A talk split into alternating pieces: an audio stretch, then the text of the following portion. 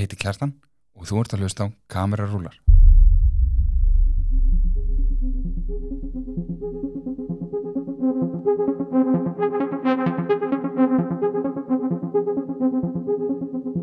Þátturinn í dag er í bóði Hjarnverslun. Hjarnverslun er með úrvala fallegum gjafa heimilisbarna og lífstilsvörum og endilega farið inn á heimasíðuna hjart.is eða Instagram að skoða úrvalið. Hlustendur okkar fá 20% afslátt í netverslun með kóðanum kamerarullar. Verið velkomin í Nóa Sirius Studio podcast stöðvarinnar. Eins og ég endaði þáttinn í sínustu viku á að segja þá tölum við Guðni ansi mikið saman uh, þegar kemur að kvikmyndum og við sátum í 5 klukkutíma í stúdíónu við tökur á þessum þætti. Þar að leiðandi ákvaða ég að klippa þáttinn í tvent og hér kemur partu 2. Gjörðu þið svo vel. Heyrðu, uh, feimta sæti mitt. Já, Það er mynd sem við geymdum á þínum lista. já, Það er Nimona. já. Gekkjuð bíómynd. Hún, hún er styrlu Þetta er bara, þessi mynd er svo góð. Og það er bara, þú veist þegar ég byrjaði að horfa á hana þá fyrst var ég bara eitthvað, ok, þetta er svona pínu svona uh, fannst hún ekki nú litrig eitthvað fyrst þegar ég byrjaði, hún var svo það var svo sva, sama svona daufa litapalletan yfir öllu einhvern veginn og, og ég er alveg bara, ok, þú veist, ég er búin að heyra þetta sé frábær bíómynd, við bara gefum henni séns og svo bara, þú veist, ég er ekki búin að horfa fimm mínútur sko þegar ég er búin að gleyma því að hún sé Já. þú veist, hún bara einhvern veginn því að, því að þú hugsa samt bara, því að allt annað er svo litritt í þessu. Karakterinn Já, og persónuleikandir og, og, og stemmingin og, og allt saman. Hún er hún er, er styrla góð sko. hún er bara trillt sko og hún er samt þú veist, samt er þetta þú veist, þetta er, þetta er allt annar sögutræður heldur en creator til dæmis en, Mhm. en þetta er samt um fullorðin mann og barn Já, sem að vilja helst ekkert vera saman eða þú veist, hún vill Já. vera með honum til að byrja með, af því að hún bara eitthvað þú veist uh, of hverju var það aftur? uh, af því að hún uh, var með einhverju svona ímynd af hetjum um að eða, þú veist, nei já, hún heldur eiginlega hans í vondikallin af því að samfélagið er búið að dæma hans í vondikallin fyrir að hafa drepið keisaran eða, eða, og hún bara eitthvað, ég ætla að vera minjónin þinn við ætlum að hjálpa stað. Já, og hann bara eitthvað, já en ég er ekki vondikallin mhm. hún bara eitthvað, haha, voða fyndið. Þannig að veist, þetta samband strax er orðið svona, veist, hann ennir ekki að hafa hana með og, og veist, hana langar svo að bara vera partur af einhverju skilur en ég held líka að, að það sem er skemmtilega hann er svo tindur hún veit nákvæmlega hver hún er já, já sem við fyrst svo vera svona Mhm. pínu búið að snúa því sko en þa það er svolítið svipasamt eins og Last of Us sko. Já, já, Ellie, já, já. Ellie veit alveg hver hún er já, og meina Joel er bara, veist, fastur í sorginni sinni sko. og þar leiðandi svona svolítið veit ekki alveg hvað hann vill já. en já, þú veist, það er bara, ég, ég fíla það að hún svona hún veit alveg hver hún er. Mm en hann veit ekkit hver hún er. Nei, nei, og hún hann, er bara pyrrandi fyrir honum. Já, li, líka út af því að hann er alltaf að reyna svona ég þarf svo mikið að, að, að flokka þig. Ég þarf að vita hvar þú ert. Mhm. ert, ertu manneski eða ertu dýr? Já, og hún bara, skiptir það máli? Hver, hver skiptir það máli? Ég er bara, ég er Nimona. Já.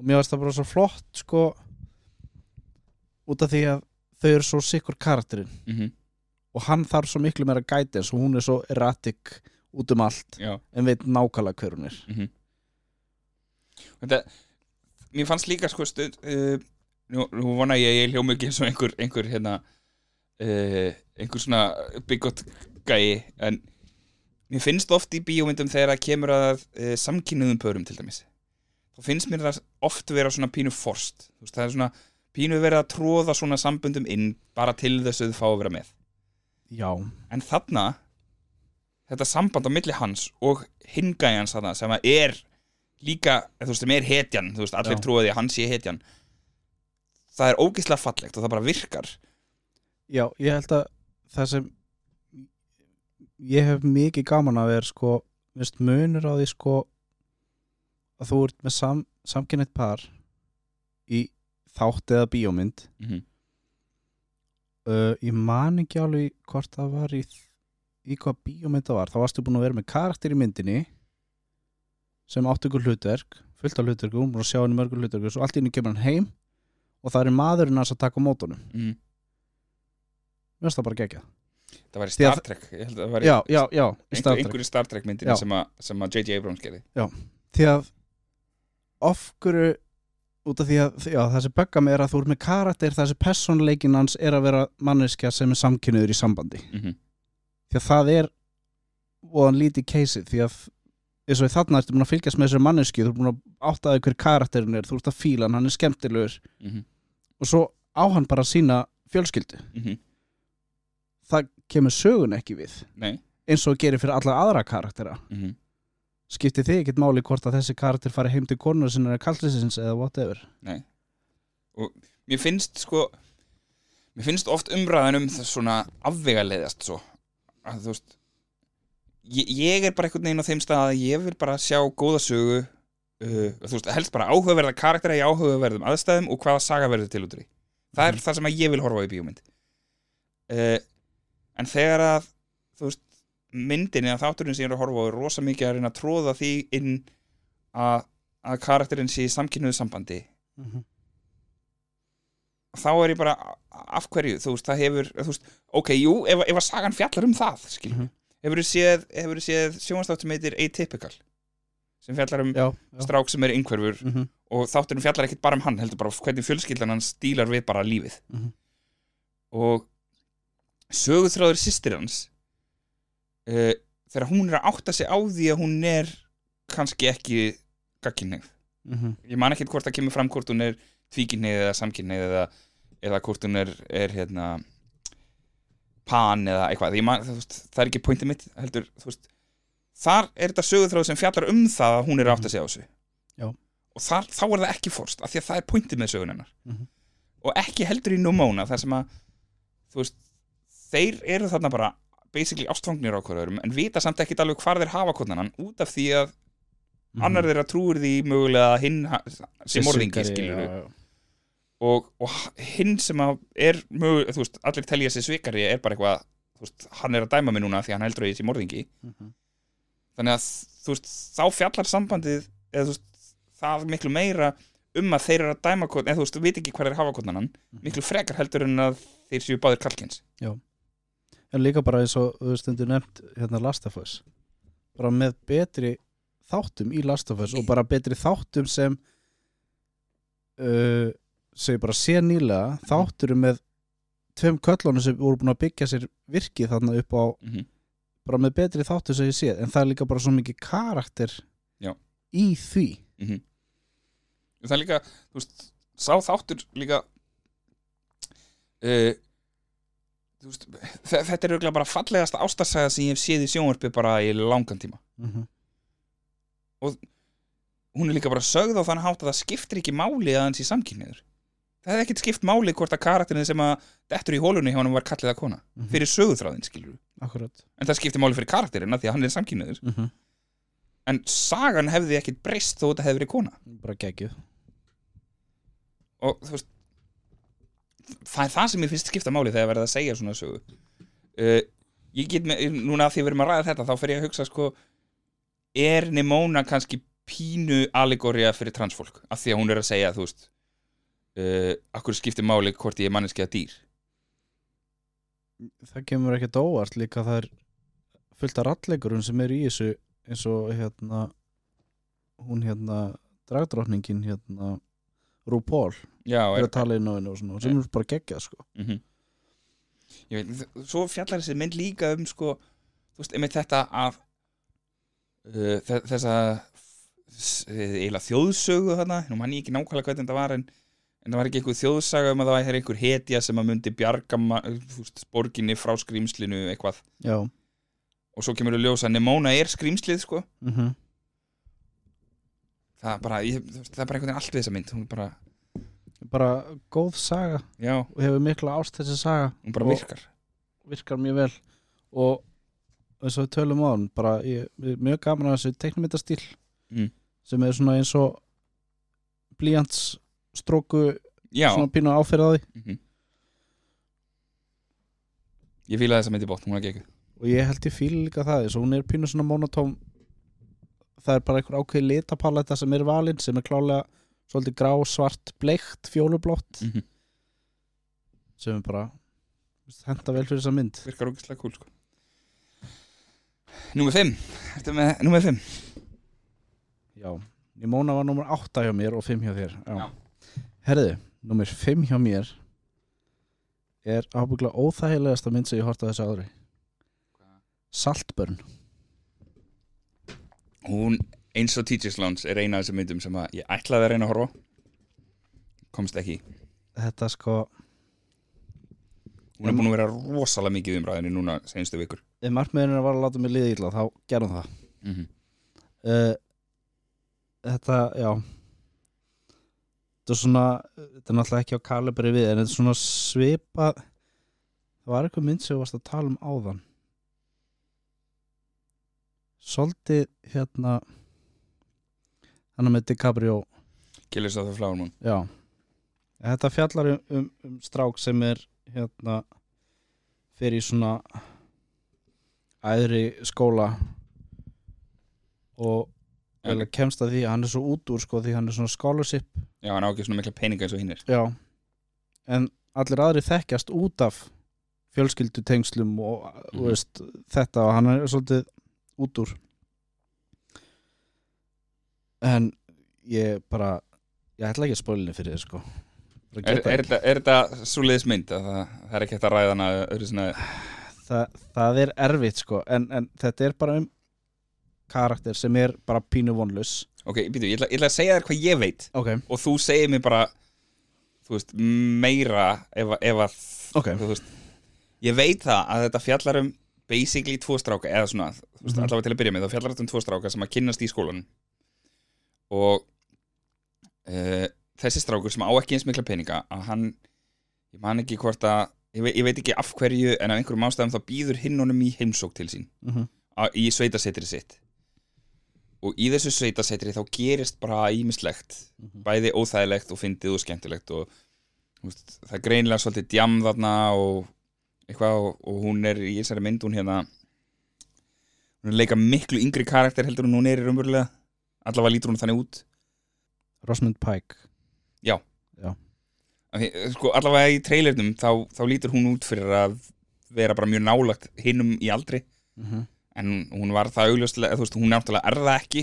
Nei, og karakterinn hennar áöruglega að vera svona, einmitt svona svolítið ríkona sem að e, hefur fyrir útlitinu sínu og já ég Svona- held samt að hún sé svona rík kona sem er yngri en eiginmaðurinn sinn já, giftist eldri er, manni er hún stjúpmamma eða? uh, kemur kannski ekki fram endilega. Nei, hún er mamma Já, ok. Felix sem er þess að ríkistrákurinn Mhm. uh, allt í nú mann ég ekki hvað hinn strákurinn heitir Oliver Já. hann, hann sess að er í þessu scholarship skóla og í rauninni ástæða fyrir því að hann fer á þetta sveitasettur er að hann hjálpar Felix í aðstæðum þar sem Felix er í rauninni í vesinni. Ok, setni tíma hjólið hans er sprungið mhm, og hann lánar hann í hjólið sitt og, og þessi Oliver strákur hann er alltaf svo vandræðalegur, hann passar aldrei inn í neinstaðar ok. En þessi Felix alveg dregst að honum og svo eru þau á okkur lokahófi eða eitthvað svoleiðis og hérna Oliver fær símtal og nei, man ekki hvort hann hefur bara komið til hans eða eitthvað svoleiðis, allavega lætu vita að hérna pappi sinn hafi dáið og hann kemur á fíknefna heimili og, og allt er bara ömulegt mhm. hjá þessum Oliver. Og Felix býður hann þessun að koma í sveita sig svo þurfi ekki að fara heim. Er einhver, einhver svona helgafrí eða jólafrí eða eitthvað svoleiðis eða? Uh, ég man ekki hvort þetta sé bara svona milli skóla annað eða þannig, Já, bara ve- Vetrafrí eða sumafrí eða eitthvað. Já. Og svo já, eins og segir, það gerast margir óþægilegi hlutir og, og, og það er annars strákar úr skólanum Mhm, sem býr þarna líka. Ég man ekki alveg af hverju, af hverju það var. Hann var eitthvað svona mamma eða pappi hans var frændi eitthvað í fjölskyldunni eitthvað svoleiðis og það var alltaf bara að vera að halda undir hann sko. Þau borguðu fyrir skólagöngur hans í, í mjög ríkan skóla, í sama skóla. Mhm, og hann alveg þólir ekki Oliver sko. Ok, honum finnst að vera bara eitthvað pláa þarna sko. Mhm. Á ekki peninga og já, svona En það er samt líka- sig og hann kannski jafnvel öfundar Oliver Pínu. Já, hans, hann er bara það mikið snopp mm hann bara, ég á skilið að vera þeirna Já. þú þarft að fara. Já, en samt einhvern veginn svona þú átt ekkert frekar skilið að vera þarna það er bara að vera að borga undir og þú heldur þú eigi samt bara rétt á öllu. Mhm. um, að gerast mikið óþægilegu hlutum og svo er náttúrulega bara þú veist koma bara hlutir í ljós sem umturna myndinni. Ok. og en það er bara já, ég satt alveg smá eftir þessa mynd og var dýrka myndi sem maður getur svona aðeins það er smá bríðir eftir á. Mhm. og hún er alveg þannig sko. En það er alveg gott plott í henni og það eru svona já. Og þannig er aftur komið inn í sko svona hans samskipti við þetta ríka fólk. Og hann svona klálega nær að koma sér svolítið í mjúkin hjá mömmunni sko. Hún fílar Oliver Mhm. en hún er kannski líka eina manneska sem skiptir máli að fíli Oliver. Já, já, því hún svolítið svona ræður öllu sko. Ok ég, þú veist þetta búið að vera mjög erfiður mánuður sko. það, er, það er svo margar myndir sem maður er bara eitthvað ég þarf að horfa þessa og þessa og þessa og allt í maður bara komin upp í 15-20 myndir. Mér finnst líka búið að koma svo mikið núna í loka sko. Rosa mikið myndum sem að koma út núna bara í desember sko. ok, erum við þá þetta í mitt fjóraðsæti þitt fjórasæti ef að þú segir mér að þessi mynd sé ofar á listanum hjá þér þá verði ég mjög ánæður já, Godzilla minus one. Ég er ekki búin að sjá hana oh my god. Hún er á sko, hún er efst á lista sko. Þú hefðir hort á henni í kvöld ef við ætlum að taka þetta upp á morgun mennur Já. þessi mynd ég, þú veist, þegar ég heyrði um hana fyrst þá var ég bara eitthvað, já já, ok. Þú veist, Godzilla, sérstaklega þú veist, ok, þetta er, er ekki Hollywood mynd en Godzilla undanfarin 10-20 árin í Hollywood hefur verið frekar bara svona eh. hún er ekki búin að vera leiðileg en, en þú veist, engin Godzilla myndur Hollywood senstu 20 árin hefði komist á top 20 listan minn, nei top 10 nei, já, já, skilji. En ég ætla ekki að segja, Godzilla fyrsta myndi sem hérna úr nýju sögunu sem er í gangi hún var nú alveg þokkaleg. Aldrei á top 10 samt. Nei, nei, nei, en, en já, já, hún var ekki, hún var alls ekki svo mynd var alls ekki leiðileg. Þessi mynd ef að hinn var alls ekki leiðileg þá er þessi mistarastikki sko. Mhm. hún er náttúrulega japan sko, er náttúrulega japan sko já, og hún, hún er bara svo mannleg hún bara þú veist, í, í þessum amerísku Godzilla myndum sem eru búin að vera að koma seinustu tíu árin Mhm. að þá er Godzilla eiginlega svona góði kallinn sko. Já, já, já. þú veist, hún er ekkit endilega góði, góði kallinn sko, en, en þú veist mannfólkið er bara eitthvað hei, við þurfum að hjálpa honum því að hann er að drepa skrimslinn sem er að fara að drepa okkur. En það er ekkit uppröðlega þannig held ég. Nei, og þessi mynd sýnir Godzilla aldrei sem góða kallinn sko. nei, áheldur ekkit að vera þannig. Nei, og það er bara eitthvað, þú veist, bara frá, bara frá fyrstu mínútu. Mhm. e, þá grípur m- myndin mann veist, með, með karaktersköpun sko, af því að veist, fyrsta skotið er bara svona flugvél í setni heimstyrjöldinni sem er að fara að lenda á einhverju pínlítilli eigu einhverstaðar í Kyrrahafinu. Og hann lendir og þú veist, klifur út á flugvélinni og eitthvað og það koma, þú veist, já, aðrir japanskir hermenn á mótunum og þeir bara eitthvað hvað gerist? þá útskýri myndin fyrir þér að þessi gæi sem var að fljúa á flugvélinni var svona kamikaze flugmaður sem gugnaði. Já, og þú veist, brotlend, framdi ekki sjálfsmórð skilur já, sem að er, þú veist það er mjög slæmt í japanski menningu skilur að, já, að þú veist, það er bara, veist, þetta er bara mjög dishonorable að, að fór, fórna þér ekki þegar þú áttir að gera það. Mhm. og þú veist, og svo líður á myndina og veist, þeir lenda sér í svona Godzilla áras á eiginni þar sem að hann sér Godzilla í fyrsta skipti. Ok, ok. og þú veist, Godzilla kemur að ná rústa flugullinum og eitthvað. Svo líða, þú veist, einhver ár stríðið er búið og eitthvað og hann er að svona, byrja að lifa lífinu sínu í Japan eftir, þú veist, það búið að varpa kjarnorku sprengjum á Japan og eitthvað svona. Og hann er svona að lifa lífinu sínu þarna og, og þetta byrjar eiginlega að verða meira á þessum tímapunkti í myndinni er hún meira eins og, eins og Parasite til dæmis það sem Já. þetta fjalla bara svolítið um hans líf í Japan og svona hann er að þú veist, fólk náttúrulega hatar hann eða þú veist, þannig að því að, að, því að hann já, já. átti að, að þú veist, fremja sjálfsmórið þarna með því að brotlenda á, á bandariskum skipum og eitthvað Mhm. og það er jafnvel fólk sem er bara eitthvað það er þér að kenna að við töpuðum stríðinu ef að þú hefur ekki brotlenda á skipinu þá hefðu við mögulega unnið og eitthvað, þú veist það er alveg svo langt gengið, sko en nema hvað, svo, þú veist er hann bara að bæta lífið sitt jafnt og þétt, þanga til að Godzilla kemur aftur? Á meginlandi þá? Já, já, já, og, og þannig að þa þannig er þetta orðið miklu meiri svona karaktermynd, sko, eða þú veist þannig að hún já, hún kafar miklu dýbra í hver hann er og samböndin hans í, við hitt fólkið í bænum og hann tekur að sér einhverja konu sem er með eitthvað unga batn þarna og þau búa saman sko með unga batnið og hún er ekki eins og mamma batsin sko, þetta er bara, þú veist, hún fann það bara einhverju rústum og sprengdu húsi sko. Veist, og þau eru ekki tengd neitt og ekki batnið heldur sko. Já, já, já, já. og bara svona tilbúin fjölskylda bara. Já, bara því að þú veist, þau voru öll, öll þrjú í vandræðum skilur og bara hjálpuðu stað sko. Og þú veist, ég mæli svo mikið, með þessari mynd. Hún er, hún er trillt sko.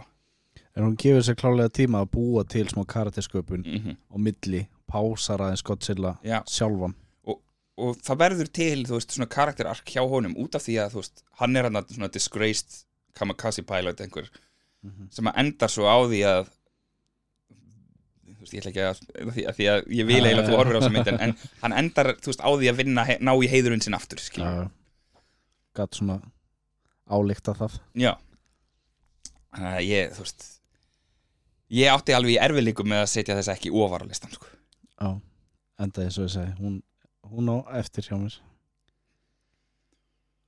Þú veist, það, það á svo bara of, það á oft svo mikið til að, að, að verða þannig að uh, myndir svona, einhver svona risa skrýmsla mynd fer bara í sama flokk eins og Transformers eða já, en það er líka held ég bara útráði hvernig þú lístir þessa mynda þarna er hún Godzilla er þetta er í heimi Godzilla en þetta snýst um þennan karakter. Og, og í svona Hollywood þá svona er eins og þessi að vera að passa. Við verðum að vera með Godzilla sko þú veist. Það má ekki líða á langt á milli að Godzilla kemur ekki því að þá er þetta ekki nóg mikið aksjón með skrimslið og, og þetta og annað sko. Að búa til þessa personu í myndinni fyrir þetta setup. Uh, veist, þessi mynd er líka sko á, á amerískan mælikvarða er þetta fáránlega ódýrmynd að veist, það er náttúrulega aðeins veist, Hollywood er náttúrulega orðið svolítið þannig að e, það er alls konar auka kostnaður eða þú veist það er dýrar að framlega bíómynd í Hollywood heldur en í Japan. Af því að það er alls konar kjarasamningar laun eru allt öðruvísi. Þú veist er bara kostnaður við kveikmyndaframleyslu í bandaríkjunum er orðin miklu miklu dýrari heldur en á mörgum öðrum stöðum í heiminum. Og þú veist það er bara allir, af því að allir er að reyna þú veist ekki bara fleiri að reyna að hagnast á myndin Já, einmitt, einmitt, nákvæmlega. Á meðan í Japanna þá veist, það er alls konar hlutir eins og það má þú veist, þú mátt taka upp lengur yfir daginn. Já. þarft ekki að borga jafn há laun einhverjum svona hlutir, skilur Mhm. þannig að þessi mynd kostaði að því, það sem ég heyrði var 15 miljónir bandaríkjadólara það er fárlega líðið það er bara, það er stúpid, sko. Þú veist, það Marvels kostaði 200 mm -hmm. Þú veist, ég vil frekar fá, sko ég veit ekki hvað það er 15 15 Godzilla minus one heldur en eina The Marvels. Mhm. þú veist, það, það kostar það sama. Ég held líka uh, eins og á þessu ári út að ég vissi að þú náðir að sjá svolítið meira af þessum stóru nöfn, nafnmyndum sem hafa verið í gangi. Að ég tók ákvörðun að fara út fyrir þann ram, ramma því að uh, myndir sem er ekki bandariskar koma svo rosalega óvart eins og Teachers Lounge því að það er ekki að fylgja formúlinni sem er búið að búa til og eins og í Teachers Lounge er bara svo mikið karaktersköpun mm. og það snýst miklu meir um það það snýst um karakterina, það snýst ekki endilega um sko, hvað kostar dæknubrellunar og hvað getur við sett mörgar sprengjur og Mm. þannig að Ég, ég, er- þú veist, ég myndi líka, líka Godzilla minus one meira við Jurassic Park eða Jaws heldur en ég myndi nokkuð tíma líkinu við Godzilla amerísku útgáðunar já, af því að þú veist þú veist, Jurassic Park er, er, hérna, T-Rexin það er bara skrýmsli þú heldur aldrei með hann skilur nei. og líka í Jaws, skilur þetta er bara einhver hákall sem er að geta alla. Og ég er ekkit frá því að Jurassic Park og Jaws séu bara svona referenspunktar fyrir leikstjóruna, hann horfi á þessar myndir og hugsi, þetta er það sem ég vil ná fram já. en þú veist, ég er samt með skrýmsli sem er þú veist, 15 sinnum stærra heldur en bæði þú veist, já. En það er náttúrulega, þú veist, fyrsta Godzilla myndi sem ég sá, það var náttúrulega ekki góði gæinn, sko. Það var Nei, það var- basically ofvaxin T-Rex með spaða á bakinu. já, hérna, hérna 98 átgáfan hann Já, já, já ég mæli sterklega með þessari mynd, hún er, hún er æðisleg ég er bara hún er geggjuð en Godzilla Godzilla er, lí- náttúrulega, er líka náttúrulega þeirra Já. svona plattform, sko. mm þeirra franchise sem upprunnilega japansk sko. Já. Þannig að ég var svolítið að halda með því, sko, áður en hún kom út. Því var búin að frétta af henni og hún, að hún yrði betri heldur en Godzilla myndir sem voru gerar í bandaríkjunum, sko. mm Heyrðu, þetta var nummer fjör Herra já Númer fjögur hjá mér er Mutant Mayhem Ó, mér langaði svo hún kæmist inn á listan sko. Það er þetta, bara þetta er æðislega teiknumynd ég, ég horfði á hana tvisvar sko. ég já, horfði á hana heima á þér og svo horfði ég á hana aftur nokkrum vikur setna sko. Þetta er Já Þetta er eina fáa myndir sem ég er búin að horfa tvisa líka Það er bara ég er bara, er bara ástákin að artverkinu í þessari mynd og Mhm. bara bara lukkið á henni karakterarnir Mhm. a- sagan og mjög skemmtileg svona uh, Easter eggs eða þannig skilur svona faldnir hlutir Mhm. Já. við erum með hana barda atriði sem er pínu referensaði í Oldboy Já. úr hana ganginum svo fá þeir til dæmis í byrjun þau eru setja á sig hérna augnböndin eða þannig Já. þá eru augun hvít eins og voru í upprölu Mhm. ekki skilur sjást ekki augun í gegn Mhm. og margt í þessari mynd bara bara fílan í tætlur og góður húmor í henni og Mér finnst líka áhugavert sko, að því hún, hún er alveg að gera ímislegt, hún er að fykta með ímsa hluti eins og hún gerir hérna, hún man ekki hvað er heita hérna, vondukallanir hérna, svínið og, Bebop og Rocksteady. Já, Já. að þeir verða, verða þú veist, góðukallanir í myndinni, eða þú veist, þannig, þeir eru Já.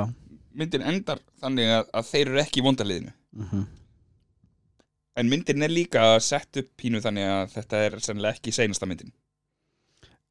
Eða allavega er Eh, þeir svona, hei Þetta er ekki senastu myndin. Er, er búið að staðfesta að það kemur önnur? Uh, Það held ég, þeir eru allavega búinir að búa til sko uh, Hvað heitir hann áttur? Shredder. Já, hann, hann kemur líka í myndinni sko, eða svona alveg í blálókin Já, en það er búa alveg full hannan og allt fyrir held ég næstu mynd sko. Mm Já, ég, þú veist, ég er mjög spenntur fyrir því því að þetta er æðislega mynd. Uh, að, Þú veist, hún líka bara ég er svo hrifin af því að, að þú veist, að báðar þessar myndir sem við erum búin að tala um núna mm -hmm. að þær eru að fara aðra leið í animationinu sínu. Þessi fyrir svo langt út fyrir sko. Já, og það, þú veist Disney til dæmis, eh, þú veist sástu Wish? Nei, ekki búin að sjá. Þú veist, Wish er, er myndin sem þeir hugsa, ákveðu bara að gera á 100 ára ammælinu sínu. Það er bara, við skulum gera þessa mynd. Já, ég, þú veist, ég sá, við fórum á þessa mynd við eirun í bíó bara því að þú veist, okkur langaði bíó og vorum alveg til í að sjá hana og ég bara var þetta það besta sem þið gáttu gert á 100 ára ammælinu ykkur ég held bara eins og ég nefndi ég held að bara og hrættir að fara út fyrir en að þæginda ramma sem þau eru búin að búa til sjálf. Þú veist, myndin er ekkert slæm, skilur hún Nei. er meiri sig að fykta sig með eitthvað svona nýtt lúk, sko. Já. En þeir fara mjög stutt út fyrir bara hvernig Frozen lítur út, sko. Mm þeir fara mjög stutt út fyrir það. En, veist, en það er samt svona einhver svona áferð á öllu sem Mhm. er svona allt öðruvísi. En þú ert samt með veist, þe- þetta er örugglega bara nákvæmlega sömu mótilin eða þú veist, eins mótilin sem þeir eru að nota í, í, í Frozen Eh, það er bara búið að setja veist, nýja áferð utan á mótilin þannig, þú veist. Menn að það áttu til. Já, þú veist, að- þetta er ekki þú veist hugsunin þeirra er örgulega þú veist, hei, við erum mm, við vitum hvað við erum að gera með þetta við kunnum að nota þetta, af hverju ekki bara halda áfram að nota þetta? Mhm. því að, þú veist, af hverju eigum við að vera að breyta eitthvað? Og þessi mynd er bara eitthvað hún er fín. Hún er bara, þú veist hún, hún er ekki meir en fín Frozen báðar myndirnar eru margvælt betri sko. já, en hún er ekki léleg en Nei, nei, hún bara, ekki alveg, alveg. Já. og þess vegna er bæði Nimona og Newton Mayhem Mhm. og ein enn mynd sem að við erum örglað eftir að tala um Já, uh, miklu, miklu, miklu betri myndir af því að þær þóra að gera eitthvað öðruvísi þær þóra, tjá tilfinningar með artverkinu. Já frekar um bara svona að við ætlum að teikna öðru sig að því bara. Mm -hmm, það er bara svona, nei við ætlum að gera þessa mynd hún er krassandi. Mm -hmm, og við ætlum að nota bara veist, krót og krass þegar það er eitthvað mikið í gangi. Og ég, það þarf ekki einu svona að vera mikið sko, bara við að þú skellt hurð og þá sér Já. þú svona. Einhverju teikningu eða, ég bara ég, ég, bara mér fannst svo geggja að fylgjast alltaf með hvernig ljós var teiknað. Mm -hmm, bara hvítt og alltaf svona einhver strik. Uh, já bara briljant bara gegg það bara þú veist, þegar ég henni í setjanskipti þá, þá að því að ég var, þú, þú veist, artworki náði mér svo mikið þegar ég horfði henni fyrst. Mm -hmm. þegar ég var að horfa henni í setjanskipti þá fór ég að reyna að hunsa það sko, pæli í því hvort að handritið og þú veist, sögurþráðurinn væri actually góður skilur að því að hitt Já. náði manni svo rosa. Og ég ætla ekki að segja að hún hafi endilega lækkaði áliti hjá mér við það en, en ég áttaði mig bara betur á því hvort að veist, sögutræðurinn handritið er gott sem það er, Mhm. það er mjög fínt sko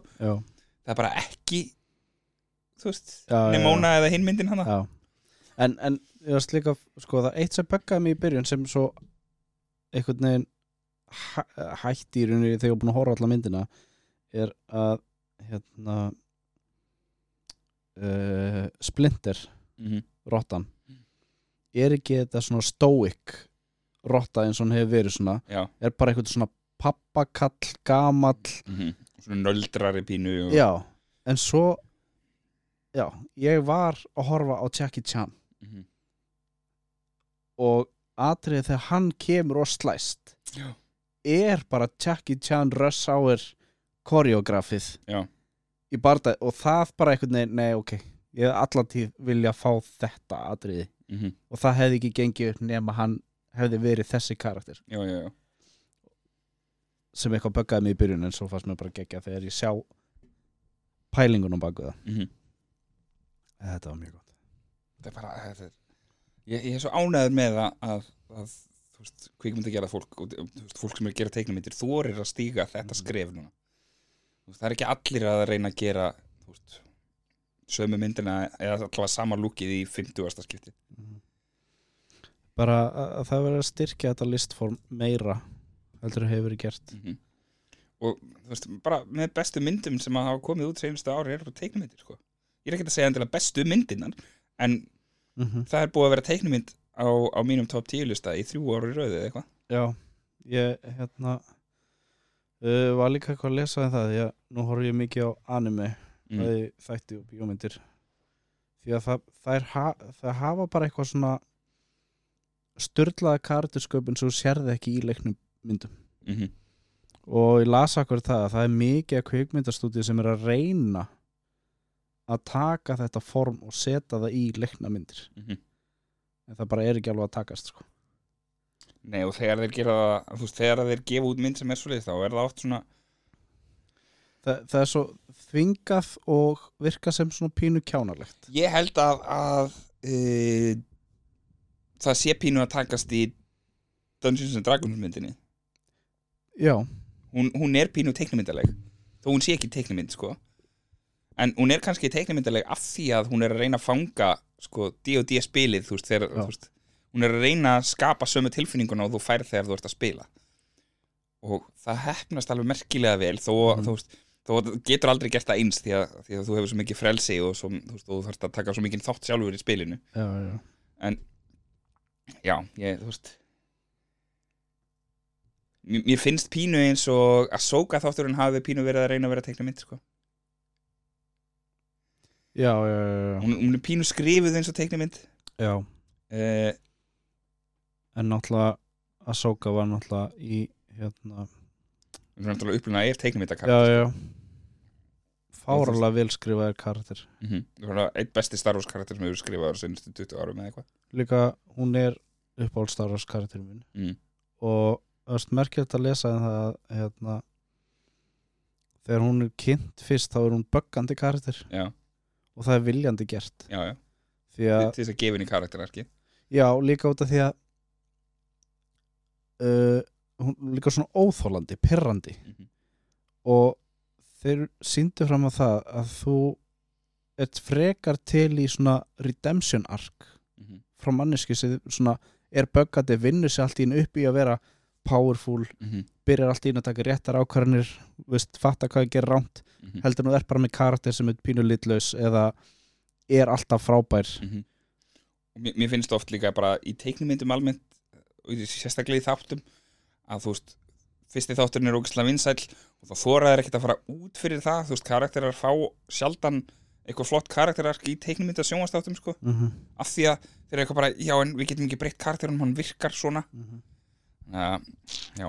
við skilst líka okkur af því að þeir eru bara já nei við ætlum að gera hana leiðilega og böggandi. Mhm. og bara, byrju, þetta ekki að verða næsti aðalkarakter? Þú veist, getum ekki haft hana leiðilega? Það er bara nei nei, þetta er allt plan sko.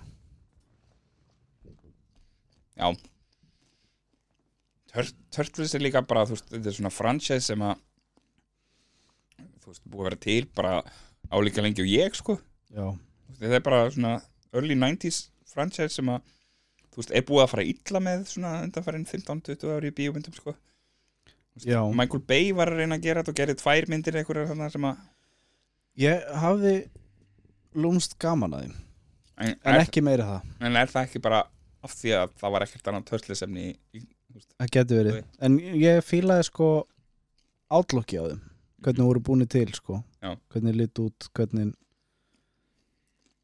já en mjútan megin, styrlumynd geggjumynd. Mæli með. Það var þínu með fjögur? Já. ok, nú kemur mynd sem að þú ert með ofar á þínu lista. Mm Spider-Man Across the Spider-Verse. Hún er ofar hjá mér. Ok, hvað ert þú með í þriða seti þá? herri, þá getum við fara að tala um holdovers. Oh yes, það er svo geðveik mynd. Og það er svona spilar eiginlega bara hérna svo mikið inn á teachers lounge þau eru ekkert eins Nei. en þannig ertu með eins og ég nefndi aðan þú ert með strák sem er í skóla sem er svolítið entitled hann er gáðaður og á ríka fó- foreldra og annað mm -hmm. það er yfirbors þekkingin Mm -hmm. böggandi strákur í tímum en er samt að standa sig vel Mm -hmm. svo ertu með kennara sem er óþólandi, stífur og þurr. Og við erum bara magnað að hugsa bara að veist, fórum í skóla og maður með kennara og veist, þú veist hver kennarin er og þú hefur skoðun á því en þú hefur bara skoðun á því út af því að það er kennariðinn þú þekkir ekki manneskjuna. Mm -hmm. og þessi mynd spila svo inn í allt í innu þurfa þessi tveir aðalir að eigða tíma saman og kynnast og þá þróast miklu meira svona já, ég er kannski búin að vera ógislega leiðileg við einstakling sem er að díla við miklu meira heldur en að vera bara leiðilegur Mm -hmm. og vera bara í tíma hjá mér og öfugt. Jöp. og fullt að skilabóðum með þetta í myndinni. En svo bara í heldina bara ógeðslega þægileg og næs saga frá aðtilu og líka bara veist, það, það er ekkit endilega merkilegt að gerast þannig. Veist, það er ekki þú veist, þetta er ekki einhver stór hasarmynd það er ekki eitthvað dramatíst flugslis eða þú veist, það er ekkert það er engin svona hlutur að gerast. Nei, nema bara að þeir eru bara lokaðir inn í þessum skóla eða lokaðir Já. þannig, þeir meig, meigi raunin ekki fara. Yfir jólin og, og vetrarfríð já, strákurinn getur, ekki- þú veist, getur ekki farið heim og þess vegna er kennarinn eiginlega dæmdur til að vera þarna. Mm -hmm. og það er basically búið að segja þú veist, að kennarinn megi í raunin ekki, þú veist, krakkarnir megi ekki fara með nema með leifi skólans. Já, og þeir þurfa bara að gjöra svo vel að læra a- að vera í kringu hvern annan, skilur þeir þurfa bara þú veist, og svo er, svo er þessi hérna, matráðskona þarna sem að hún á stórleik sko, hún er bara já, hún er ógeðslega góð eins og þegar hún þegar hún er, þeir, þau eru í jólapartíinu þarna og og hún eiginlega bara tekur yfir plötuspilaran já, já, já, það, það, er svo, það er svo ógeðslega flott leikið og bara öll sorgin hennar allt í Mhm. kringum það er bara ógeðslega vel gert hún er bara, það er bara trillt sko já. Og, og getur líka ímyndaðir fyrir þennan strák sem gengur inn að skóla þetta er mötuneytis konun hans mm -hmm. bara skaffar hann mat í hátíðin og búið það er eina interaktion sem þau hafa yfir daginn Já. svo allt í hennu bara er hún með breakdown í partí út af því að, veist búin að missa manni sinn og annað í gangi. Já, þannig að sonurinn er dó í stríði Já, í, í, í. Vietnam já. Að veist allt í hennu ertu fann að finna til með manneskjunu sem hafðir litla sem enga skoðuna mm -hmm. þekktir í raunin ekkert þurftir í raunin ekkert að þekka í þínu daglega lífi.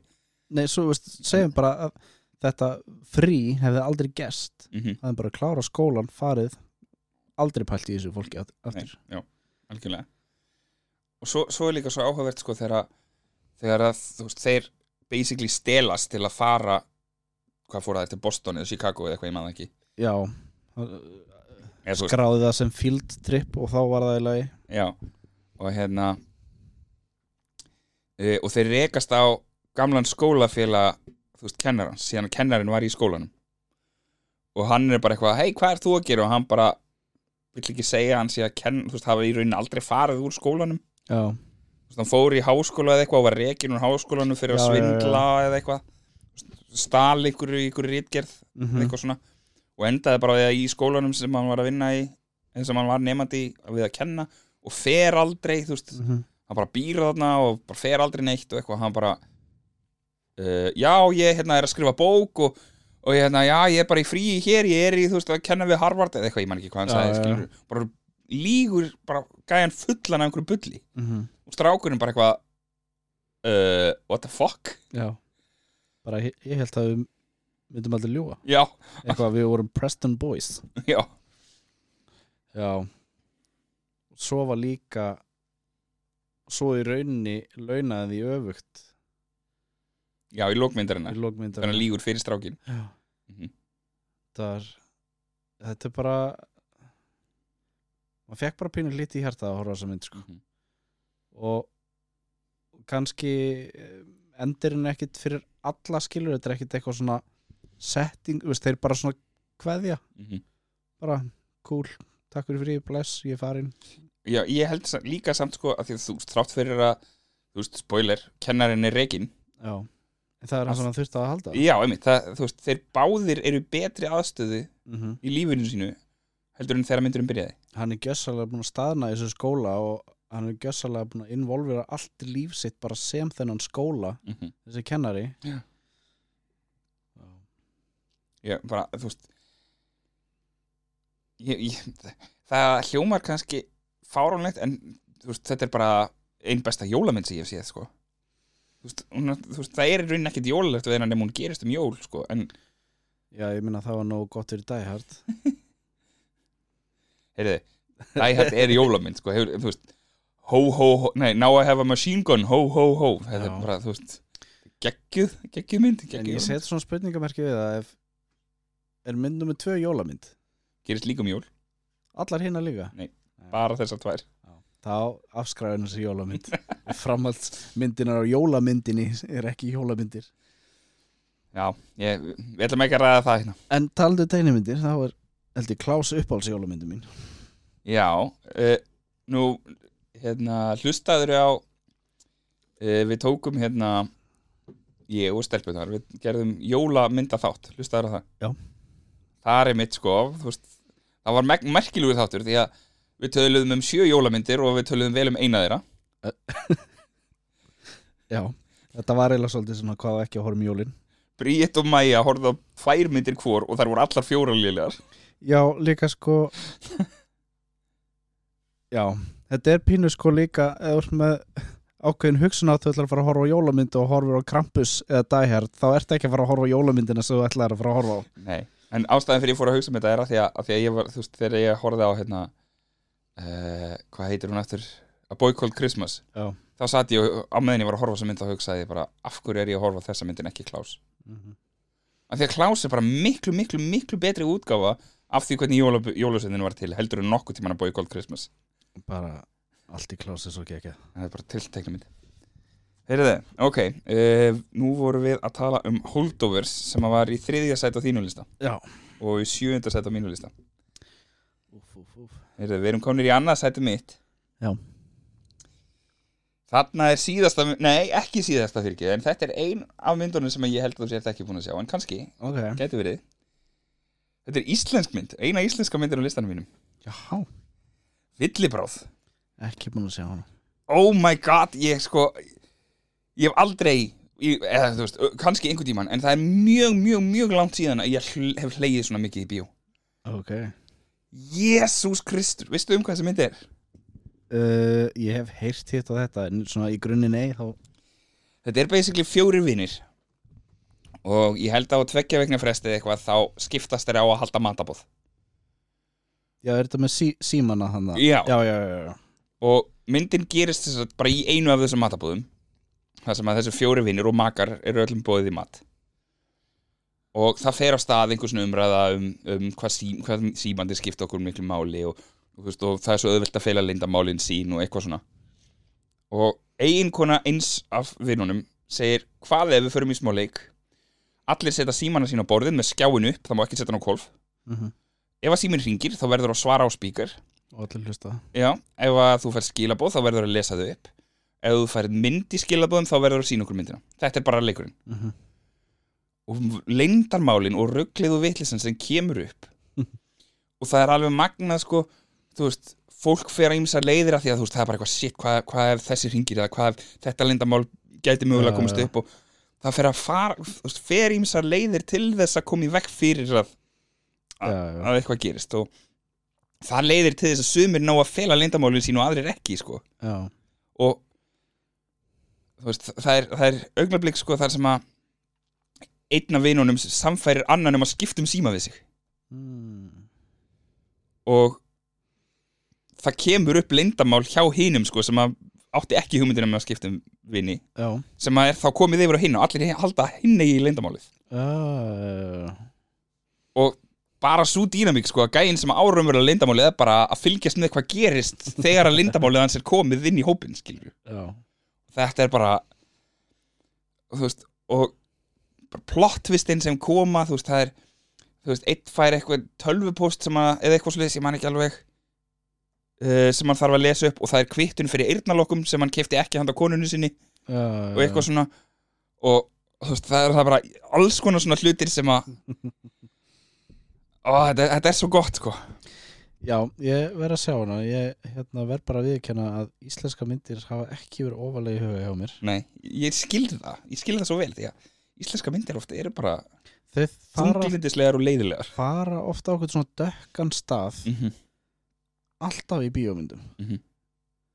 og ég á bara svo erfitt með það ég er svona eitthvað, ég sita, já ok, nú byrjar atrið það sem þessi kallar er að taka þessa konu eða stelpu eða stráki eða eitthvað og, og maður svona uh, ég, ég, þarf þetta ekki Mm þú veist við, og þetta er alltaf einhver, einhver stakur sveitabær sem enginn veit um Já, já, já Þessi, þessi mynd er alls ekki þannig sko. Nei.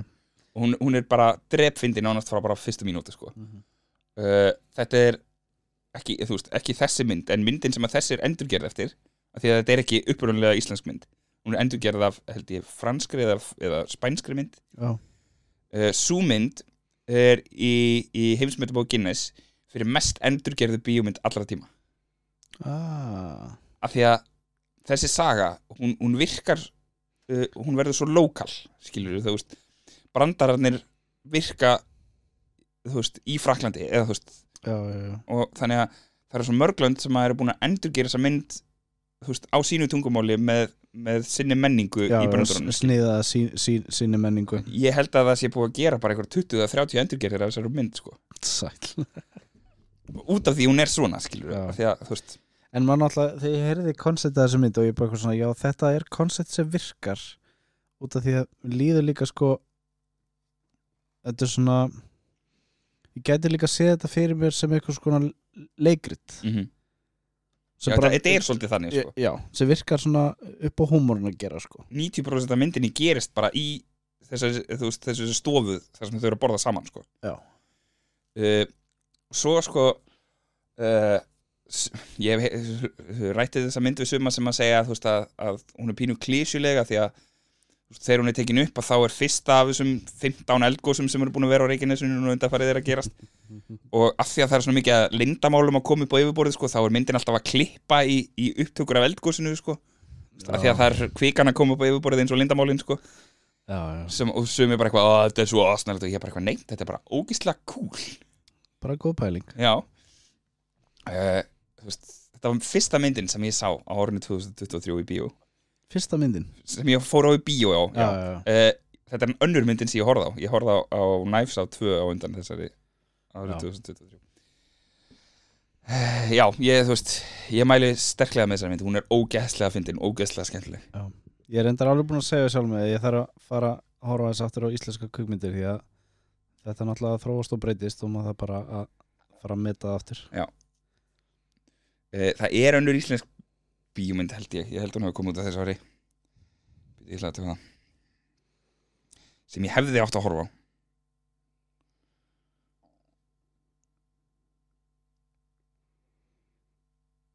sástu kulda? Uh, myndin sem ég var að tala um kom út í fyrra þannig að nei, Já. uh, nei ég sá ekki kulda Nei. uh, ég, þú veist ég veit ekki ég, Mm. þú veist ég er ekkert spenntur fyrir henni en kannski er hún góð sko. já, alveg gaman að henni sko. En hún er svona pínu íslensk. Ég heyrði, heyrði skemmtilegt viðtal við gæjan sem sá um stöndin og áhættuatriðin í henni. Nei, ekki gæjan sem sá um það heldur, heldur konuna sem að leikur áhættuatriðið þú veist, konan sem dettur á þakkinu já, já, já, og hún gerir það bara í alvörunni bara, þú veist, niður bara einhverja 20 hæðir eða eitthvað. Bara, þetta er stærsta áhættuatrið sem hefur verið tekið upp í íslensku bíómynd það er bara þannig þannig að já. Ég, já, ég sá ekki kulda. Uh, eins og ég segi þá mæli ég sterklega með villabráð því að hún er bara svo ógæðslega fyndin. Þú veist, hún, hún er ekkit að reyna að vera eitthvað grínmynd skilur, eða þú veist, jú, auðvitað, hún er að reyna að vera fyndin en, en þú veist, þetta er ekki svona silly, astnaleg mynd þú veist, uh, húmórin er fyndin af því að þú veist, það er fólk sem að er bara þú veist, þau, þetta er mjög alvarlegt fyrir þeim já, já, en aðstæðunar verða mjög fyndnara því að þú sem áhorfandi veist ímislegt sem ekki allir vita skilur já, uh, já, þetta var annars þetta mitt. Ok, ég fara í annars að því á mér að uh, já, ég viltu segja mér að uh, býtu, býtu aðeins. Nú ætla ég að sjá hvort ég geti giskað af því að sko já, ég veit hvað mynd það er ég veit nákvæmlega hvaða myndir eru fyrsta og öðru seti hér allavega, veist, ég, ég er nokkuð viss sem ég viti hvor er í hvaða sæti en, en já, ég, Númer tvö er Spiderman. Ok, það er ekki röðin sem ég bjóstu Nei. Spiderman Across the Multiverse. Enn og aftur styrlu tegnum ekki frá geggjum mynd sko. og og við höfum rætt að að akkurat þannig nota mikið tilfinningar Mhm. sem artform fyrir hvernig Mhm. hlutinir lít út eða teiknaðir og ég fíla svo mikið hvernig þú ert með mismunandi heima og hver heimur hefur sitt eigið artwork Mhm. og það hljómar eins og algjör hausverkur að reyna að láta það ganga upp Já. í bíómynd Mhm. það tekst bara svo vel og eins og hann hérna Donald Glover sem er leikarinn í, í leiknumyndinni er í þessari mynd mhm. og, og það verður oft pínu svona uh, hvað maður að kalla það þú svona aftengir teiknimyndina við alvöru personuna Mhm. þegar þú eru saman á skjá Já. En út af því að þetta er svo mikið kaos þá einhvern veginn passar það bara inn í með hínu já, það magna sko. Og sagan góð og, og, og kartinir og ég bara fíla þetta outlook á þessu öllu saman. Það er líka bara einhvern veginn þú veist uh, það, það er svo cool hvernig að því að, því að nú er þetta multiverse mynd uh, sem að yfirleitt öndlafa undanfærin ár hefur svona átt aðeins erfitt að, að gera multiverse mynd það, það er, hefur einhvern veginn oft Sérst- ekki virkað sko. Sérstaklega líka sko búin að nota multiverse sem svona laga myndina sem er búin að búa til hinga til. Mm þannig er það bara að nota sem söguverkfæri -hmm. í, í áframhaldandi sögu. Já. Og veist, þetta þýðir að heimatniðinir líti ekki allir eins út. Mm -hmm. þú veist, að þjóður til teiknum minn þá hefur miklu meira, það er miklu auðveldara og miklu meira frelsi til þess að e, búa til heim sem að kannski meikar ekki sens fyrir áhörvendanum þegar hann horfir á hann, skilur Mhm. eins og til dæmis heimurinn sem að Spider-Gwen Gwen kemur frá að hann er svolítið vasslitamála ég er rosa mikið vasslitamálaðir og, og allar útlínur eru ekki nefnilega beinar og, mm -hmm. og þú veist, þú ert bakgrunnur eru oft verður bara e, hvað ég segja, hann verður eiginlega ekki flatur en hann er svona þú veist, það er engin dýft endilega sem að svolítið two-dimensional sko. Já, sem að virkar samt, þú veist, það er ógeðslega Mhm. cool. Uh, og það þýðir líka að þú veist, listamæðurinn hefur svo mikið frelsi til þess að nota þessa tvíviðu veröld til þess að uh, tákna tilfinningar með litum. Mm -hmm. og ég nefndi það einna áðan þegar við vorum að uh, nefna að það væri mjög góða teiknumyndir hérna áður við byrjuðum á listunum uh, atriðin þegar að þú veist, Spider-Gwen er að tala við pappa sinn. Fyrst þegar að hann er að tala við Spider-Gwen og veit ekki að það er dóttir hans. Þannig að í rústónum af einhverju bókasafni eða eitthvað. Já, já, og þa- þá bara einhvern veginn svona hættir bakgrunnurinn að vera til. Og það sem bakgrunnurinn verður er miklu frekar að túlka tilfinningarnar hennar. Nota litina. Já, mm -hmm.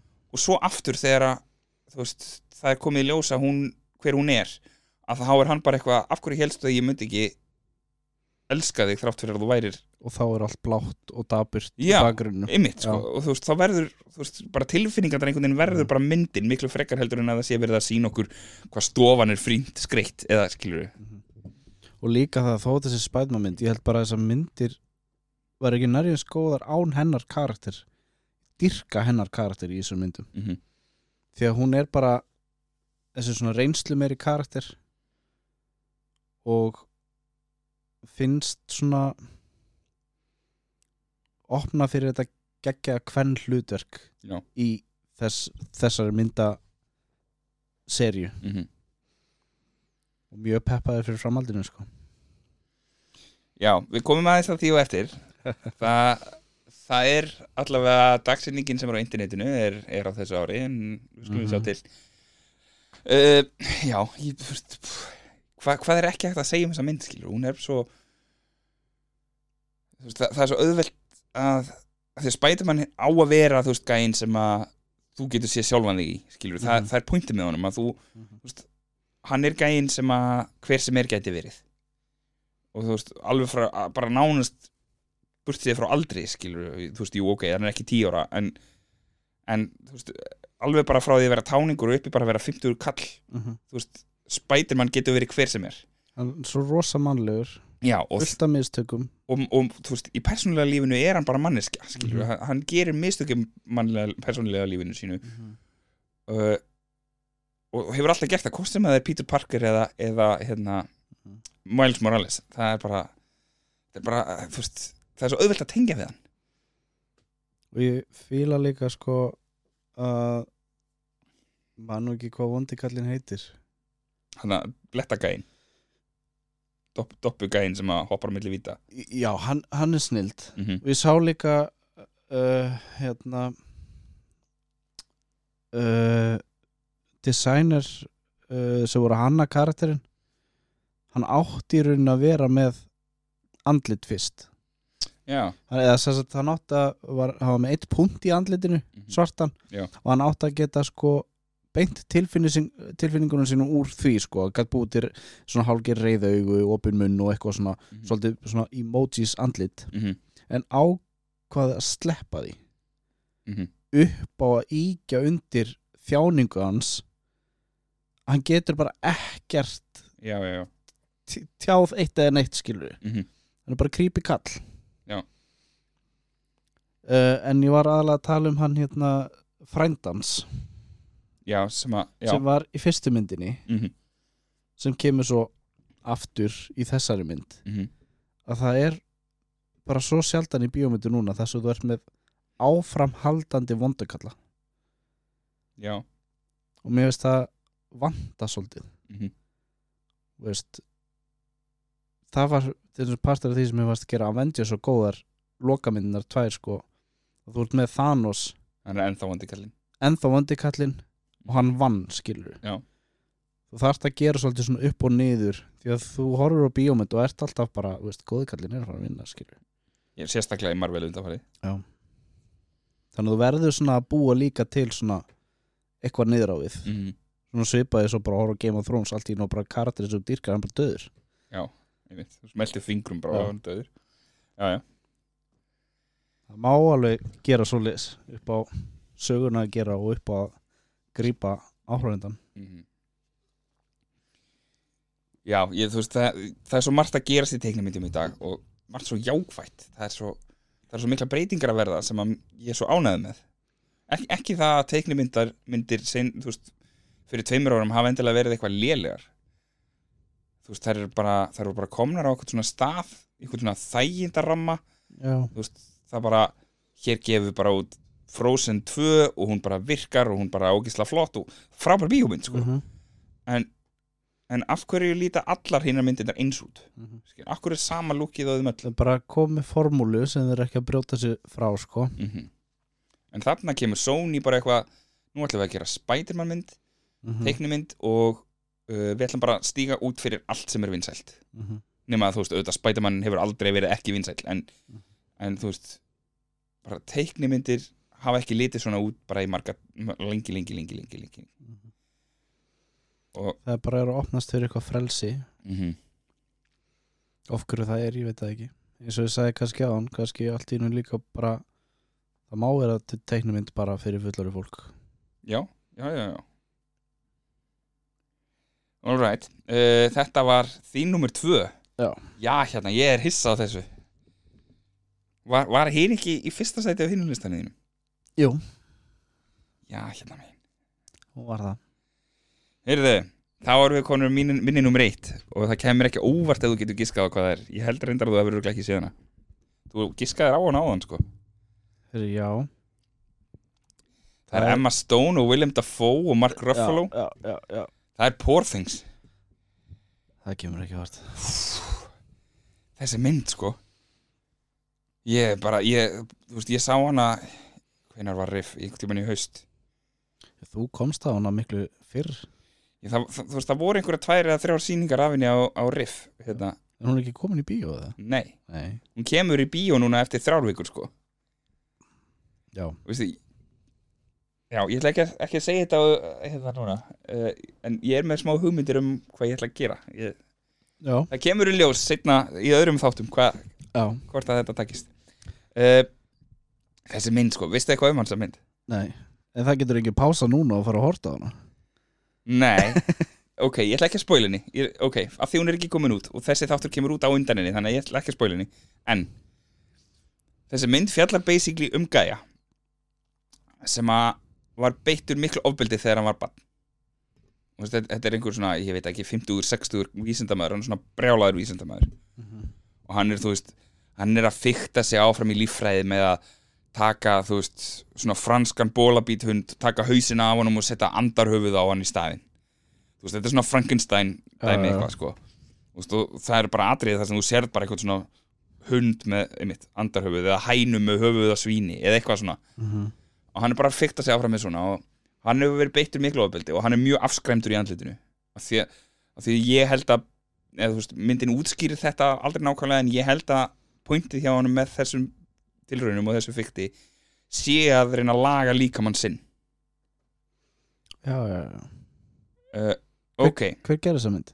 hann heitir Jorgos Lanthimos Ok. heitir leikstjórin hann gerði líka mynd sem að uh, fyrir tveimur árum síðan var tilnæmt til, sem besta myndin á Óskarsvölurunum sem heitir The Favourite sem Emma Stone líka mynd líka í.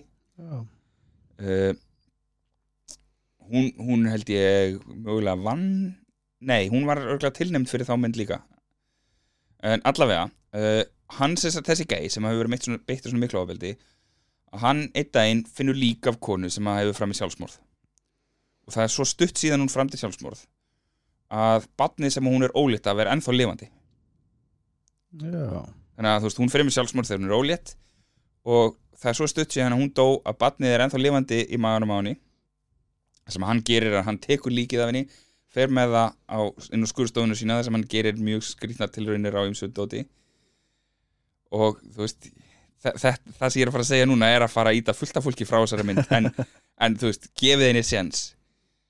Það sem hann gerir er að hann næri barnið uh, hann sker bæði móðurinn á barnið upp og vikslar heilunum þeirra. Setur heilun á barninu í konuna. Já. Svo nær hann að lífga konuna með heilanum úr barninu við. Já, og hún, sagt, þegar myndin byrjar þá er þetta allt búið að gerast. Já þegar myndin byrjar þá er sagt, hún lifandi eða að barnið í líka með móðu sinnar. Þannig að hún er aðalpersonan móðurinn með, með heilan úr barninu sínu. Uh, og myndin fjallar basically um þegar barnið er að þroskast veist, heilin er að, er að verða veist, þroskast og, og verða meiri mannesku þannig að líka minn er fullþroskaður en heilin er eins og mánaða gamalt barn. Já. Upplifa hlutin á mjög skrítin hátt. Já. Og þú veist þú það er atriði, þetta, þetta er mjög fullónisleg mynd. Þetta, þetta er, þú veist, þú, þú sest ekki niður og horfir á þetta með bötunum þínum, sko. Uh, það er atriði þegar hún uppgötar sjálfsfróun, það er, þú veist atriði þegar hún er bara að byrja að læra að tala. Þú veist, það, það er svona hlutir sem að þú veist, við sem fullorðið fólk skiljum og þekkjum. Já, já. En hún er að uppgöta Bara út af líkamann sem hún hefur. Já, Mhm. og hún endar á því að fara bara í eitthvað svona ótrúlegt ferðalag uh, það sem að þú veist uh, hvað á ég að segja? Þú veist af því að hún talar svona skringilega svona svolítið barnalega þá líta allir kallmenn í kringum hana svona pínu niður á hana hún er svona vittlust falleg stelpa skilur Já, já. Og á þess að spoila þá þá sýnir hún bara öllum kallmönnum í sínu lífi hvað það er rámt að hún sé bara vittlusfalleg stelpa Já, já. Að hún, hún er bara miklu gáfaður og miklu klárari heldur en að veist, Og þá erum hún að þroskast eitthvað x í, mikið. í gegnum myndina þá Já, þroskast hún alltaf sko. og þú veist, undir lokin á myndinni er þetta bara gáfaðasti karakterinn í allri myndinni sko. ok. Uh, en þú veist, það er farið illa með hana það er, þú veist það er fullt af fólki og sérstaklega kallmönnum sem halda þeir eigana bara og geti bara gert við hana þess að þeir vilja sko.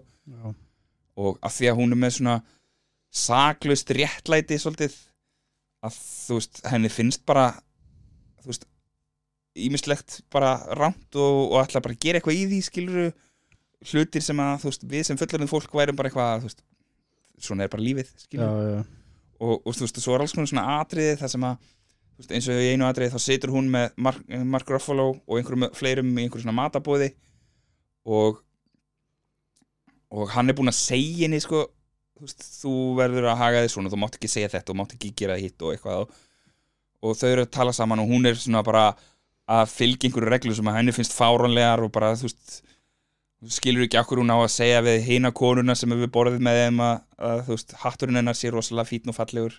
Já, já, já. veist, þetta er svona, þetta er svona fínt sko, þetta er svona fínu veitingastað sko. Eitthvað svona social Já. reglur. En svo er sko barn á næsta borði sem að, þú veist, tveggja eða þryggja ára sem að gargar og orgar og eitthvað og svona einhverju frekjukasti og hún er hérna að segja við hina konuna bara eitthvað, já, þú ert með svo fínan hatt og, og þú veist, bara af því að hann er búin að segja það, já, svo allt í nú stendur hún upp bara nú ætla ég að fara að kýla þetta barn af því að það er að fara í taugarnar á henni sko. Læti, veist, bara, eitthvað sem barn myndi hugsa skilur, veist, þetta er pirrandi og bara, veist, það þarf að gera, já, já, af því hún er ennþá já gerir bara á impuls já, akkurat sko. Já, og þú veist, Emma Stone á stórleik í þessari mynd. Hún bara leikuna sko. ógeðslega vel gert hjá henni. Ég, þú veist ég, ég ég á eiginlega pínu erfitt með það að ég sé búin að sjá hana svona löngu áður en hún fer í almenna sýningu í bíó eða, eða fólk getur hort á hana heima hjá sér eða eitthvað. Ég hef búin að vera að hugsa um þessa mynd bara síðan í haust og ég veist, get eiginlega ekki talað um hana því að það skilur enginn hvernig á ég að segja við einhvern bara myndin hana um gæluna sem að er með heilanum úr barninu sín í haustnum og fólk bara, wow, það er geggjuð hugmynd. Hvað varst að horfa já, akkurat, hvers konar síru varst þú að taka? Þannig að, þú veist þetta, ég mæli með, þetta er bara ótrúlega góð mynd bara, Já. Enda líka hljómar þetta koncept mjög solid og getur okkur gert alveg styrla sögur því. Og það er líka, þú veist af því, líka af því að, veist, hún er svona þú veist, allir sjá hana sem heimsku fallegu stelpuna sem að, þú veist, ég tek bara frá, tek hana bara og gerir bara við hana það sem ég vil. Uh, að þá um, verður þetta pínu feminísk saga þegar að, að því að hún berst út úr þessu veist, viðhorfi gagvart sér, sko. Hún, veist, hún fer að sína öllum bara það er ekki svona einfalt, sko. Já, ég nefnilega var að spá hver var að gera mynd því að ég fæ svona uh, hérna, hvað heitir hann? Edward Scissorhand. Mm. svona Tim Burton og það, þú veist, þegar svo að tala um dýrin hann svona, finnst hann oft vinna með sko karakterir sem eru hræðilegir en eru vinalegir. Mm Já, hann gerir það mikið það er svona, þú, þú ert ekki að fá það sem þú býst við frá þessu karakterum út frá því hvernig þið lít út. Mm bara þú varst að tala um hundin og andarhausin og svona. Mhm. en, þú veist, en svo gerist þessi mynd líka eiginlega í einhverjum svona af, af því hún er svona súrealísk sko, það er svona fáránlega hlutir í gangi eins og þetta einmitt, það er hæna með svínshöfuð. Að þá gerist hún í einhverjum svona uh, órömmverulegum heimi eða þú veist, eitthvað svona sem meikar ekkert sens í okkar raunveruleika. Þannig að þú veist, leikstjórinn greinilega áttar sig alveg á því að það sem er að gerast í þessari mynd er svona fáránlegt og það er að verður heimurinn sem að myndin gerist í svolítið fáránlegur. Já, já. og hann viljandi gerir það sko. Ok, þannig að ég bara, þú veist ég mæli svo mikið með þessari mynd fyrir alla. Þú eru bara bíðað hann að fólk getur farið á hana. Já heyrðu, alright, það var bara einu eftir. Herru, ok. Hvað segirðu, besta overhitjumynd ársins? Já, ég bara, það er bara þannig ég, Guardians of the Galaxy. Hún, hún átti ekki mikla samkemni þegar kemur overhitjumyndum sko. Nei, en ástæða fyrir að átti mjög erf með að velja hvort að Spiderman eða Guardians of the Galaxy fara efst. Mm.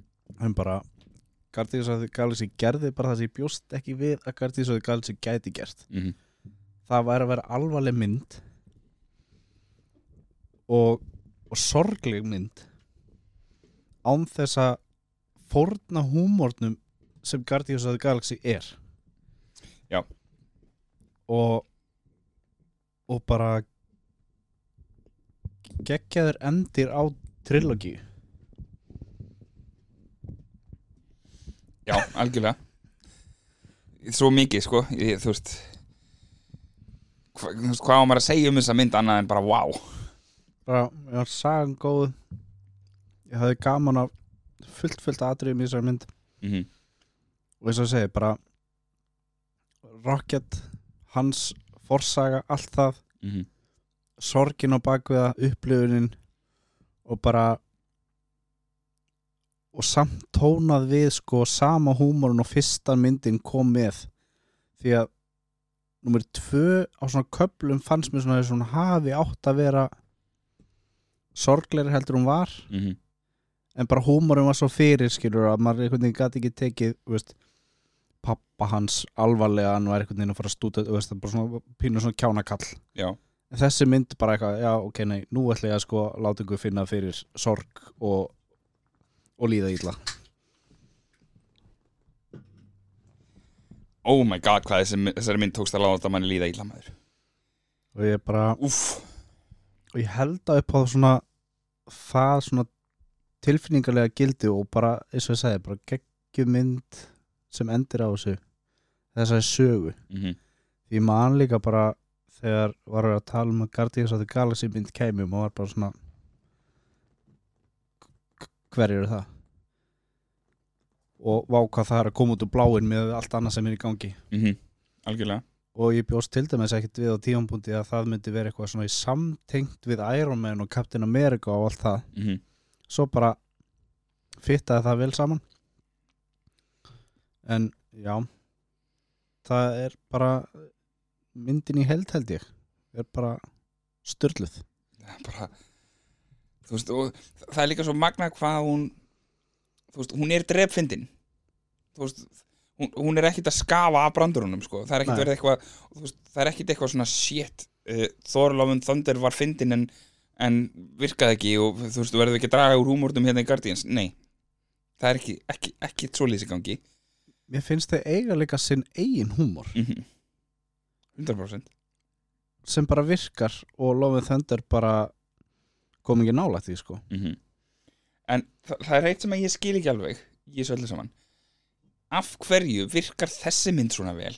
En ekki Ant-Man Quantumania ekki The Marvels, ekki þú veist, Secret Invasion þátturinn. Þú veist hvað, er það bara leiksturinn sem að, þú veist, af hverju? Ég bara, þú veist ég, sko, Þú veist, nú er Thor greinilega að reyna, ekki, ég ætla ekki að segja herma eftir Guardians of the Galaxy, Thor myndindar senstu tvær, en það er greinilegt að, að Marvel horfir á Guardians of the Galaxy og segir, þetta virkar. Skulum bara gera fleiri myndir sem að draga húmórin svona mikið fram já en sko, og það virkar í Ragnarök. já en hún þá er Þór ennþá sko búin að eiga þessa þróun sem hann átti Mm -hmm. hann er orðin ábyrgari Mm hann er búin að eiga character development Já. Love and Thunder krassaði það allt saman -hmm. Allt í henni er hann húmorkallinn Já. uh, and Thunder hefði átt að halda honum fyrir mér allavega sem er þessi ábyrða aðila sem að skilja að vera með hamarinn Mm húmorinn hefði átt að koma frá hinnum í kring Já, sammála. eins og í Ragnarök þá komið með hana hvað heitir hann, Kip og hann hana Stein Já, Korg. Korg og... já. Já. Vist, hann kom með þetta svona Mm -hmm. andrúsloft með hann húmor, ekki Þór Já.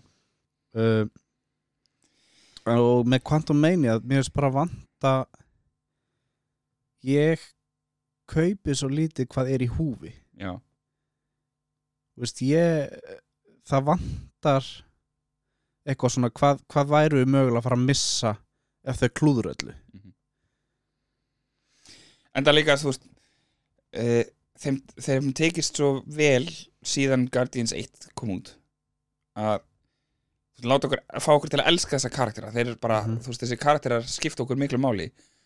Og svo núna kemur þessi mynd, Volume 3 og þau bara eitthvað, já, Rocket deyr ef að, ef að þeim tekst ekki missionið mm og þá er maður bara eitthvað uh, nei! Og, og sama tíma að gefa okkur forsöguna sem bara styrkir hvert einasta moment bara meira og meira bara please ekki láta hann mm -hmm. deyja sko Já.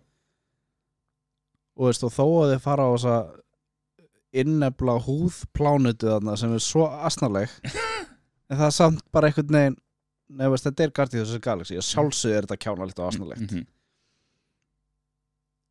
Þetta, já þú veist, hún, hún bara einhvern veginn, þú veist það, það er svo mikil, mikil hérna, hvað ég segja það er svo mikil hjarta á bakvið allt. Og þú veist, og meiri segja þegar það er ekkit endilega jafn mikið hjarta, þá náðu þau bara í húmórin í staðinn, sko. Mm -hmm. og, og þú veist, þeim tekst að vera fyndin eins og á þessari geimstöðu eða plánutu eða eitthvað sem er greinilega vaksin úr, úr bara, einmitt, húðfrumum. Eða, já, og vondikallin er, er áhugaverður uh, þessi, þú veist, jörð 2 eða eitthvað sem var, var áhugavert. Já Hann er bara að reyna að búa til þetta fullkona samfélagi einhvern veginn. Já, og það bara gengur aldrei upp. Mhm. Og mér finnst bara magna að hugsa til þess að hérna dýrin sem eru með Rocket í búrinu eru basically hérna hvað heitir hann að vondi strákur í Toy Story? Já, uh, veist, þetta eru basically Já. leikfengin hans eða veist, mhm já, já, bara kanínan er nákvæmlega eins og hauslösa dúkkan hann mhm. með lappirnar. Kungulega fætur og eitthvað. Mhm. mjög creepy karakterar mhm. en þú finnur svo til með þeim því að þarna er bara eitthvað gæja og hún er svo drullu saman þetta dýr, fólk, whatever sem hann er að búa til sko. Rocket er, er eina dýrið eða skrýmslið eða veran sem hann er búin að búa til sem að skiptir hann einhverju máli. Og hann skiptir ekki eins og máli þú veist, af því hún er þykir vænt um hann, Nei. hann skiptir bara máli af því að, af því að hann er eini sem að þú veist, hann er, hefur eitthvað í sér sem að já, eini sem virkaði basically. Já. uh, það, mér finnst líka svo áhugavert arkið sem að Starlord á hana af því að honum líður bara eins og hann sé að messa besta vin sinn í öllum heiminum. Já, og búin að missa Gamóru já, ymmit þannig að þetta er svona og þetta, þú veist þessi grín karakter sem er bara byggður upp á einhverjum bröndurum um, þú veist, hann, hann átti skilur, þú veist, fyrsta myndin endar að hann á svona dance-off við eitthvað vondankall, skilur hann, hann mikið að referensum í svona gamla tíma já, þú veist, sko. einhverjar aðrar bíómyndir og, og tónlist og eitthvað svona og allt í henni er bara heimurinn að hrynja fyrir honum, konan sem hann elskar elskar hann ekki og vill ekki þekkja hann einu sinni Mhm. uh, besti vinur hans er bara við það að deyja og hann er bara eitthvað fuck? Mhm. þú veist, ég vil bara deyja ef hann deyr skilur, Já. hann er bara á þeim stað. Svolítið að finna hvar hann stendur í þessu öllu. Mm -hmm. hvað hann er að berjast fyrir. Ég bara, þú veist það er bara allt skilur og þú veist, loka atriðið þegar, ég man ekki hvað nóg, nóg er ripnar í sundur eða springur eða eitthvað. Já, það er bara, þú veist, þú veist nóg er fyrir manni endilega eitthvað sérstakur staður nema veist, þessi myndtekst að gera hann mm þú veist, láta mann veist, búa til heimilegana og mm -hmm. mér finnst líka bara vel gert með hvað heitir hann, Adam Adam, e, já, Adam Warlock. Adam Warlock. Veist, hann er svo fucking powerful. Mm -hmm. en hann sökkar. Mm bara út af því að veist, hann er bara bann hann kann ekkert. -hmm. þannig að sýnir svo skemmtilega veist, reynslu versus power Já. og alls konar svona dýnamingin á milli ég, þú veist ég á bara líka svo erfitt með að skilja uh, því að fyrir utan veist, teiknumyndir þá virtist enginn geta gert ofurhýtjumynd á senast ári mm -hmm. sem að var á einhvern hátt góð jú, ok, Marvels er allt í lægi hún er ekkit hræðileg en, en Marvel hefur bara verið svo miklu, miklu, miklu betri heldur en The Marvels. Já, já. uh, ég held líka bara með Marvel sko, að hún er svo mikið að hún er pínu mikið að reyna að vera Guardians. Það er atriði það sem að hún, hún er ekkit endilega að reyna að vera fyndin skilur en, en það er atriði það sem að uh, þær fara á einhverju plánitu og, og Carol Danvers þú veist, Marvels, hún hún hérna hún ágreinilega eitthvað lindamál sem hún vill ekki segja hinum í sambandi við þessa plánitu og hún bara eitthvað, hva, hvað sem gerist bara, þú veist, play along skilur bara, þú veist, ekki hún vill, vill greinin ekki segja hvað málið er og svo koma þau og það syngja allir, það talar enginn það allir karakterinn sem búa þarna syngja Já. og þegar þær eru að tala saman á, bara á ennsku, ekki syngjandi Já. þá skilja veist, þeir sem búa þarna ekki það sem þeir eru að segja, þrátt fyrir að þeir eru að vera að syngja á ennsku, já, þurfa að syngja það tungumálið þeirra er að syngja já. Sem er alveg, þú veist, ok, það getur verið kúlhugmynd Mm -hmm. en, og þú veist, og ég hugsaði bara ok, ef þeir ætla að gera þetta þá, þá þurfa þeir að fara alla leið, skilur ég, ég vil Já, fá já. bara fjögra mínúna söng og dansatriði, skilur já, já, og myndin byrjar á því og gefst upp á því áður en það mínútaliðin og, já, já, já. og þú veist og hún og einhver gæi þarna er að dansa og syngja saman og eitthvað og svo stoppa þau að syngja og einhver af hinum karakterunum sem kann ekki, þú veist, söngtungumálið segir eitthvað við hana sem að hann heldur að hinn, gæin skilji ekki. Og hún bara eitthvað, á nei, nei, nei hann, hann talar fleiri tungumál, hann, hann syngur ekki bara. Og þá er, þú veist, þá ertu bara búin að kasta þessum sönguminn út um gluggan já, já, já.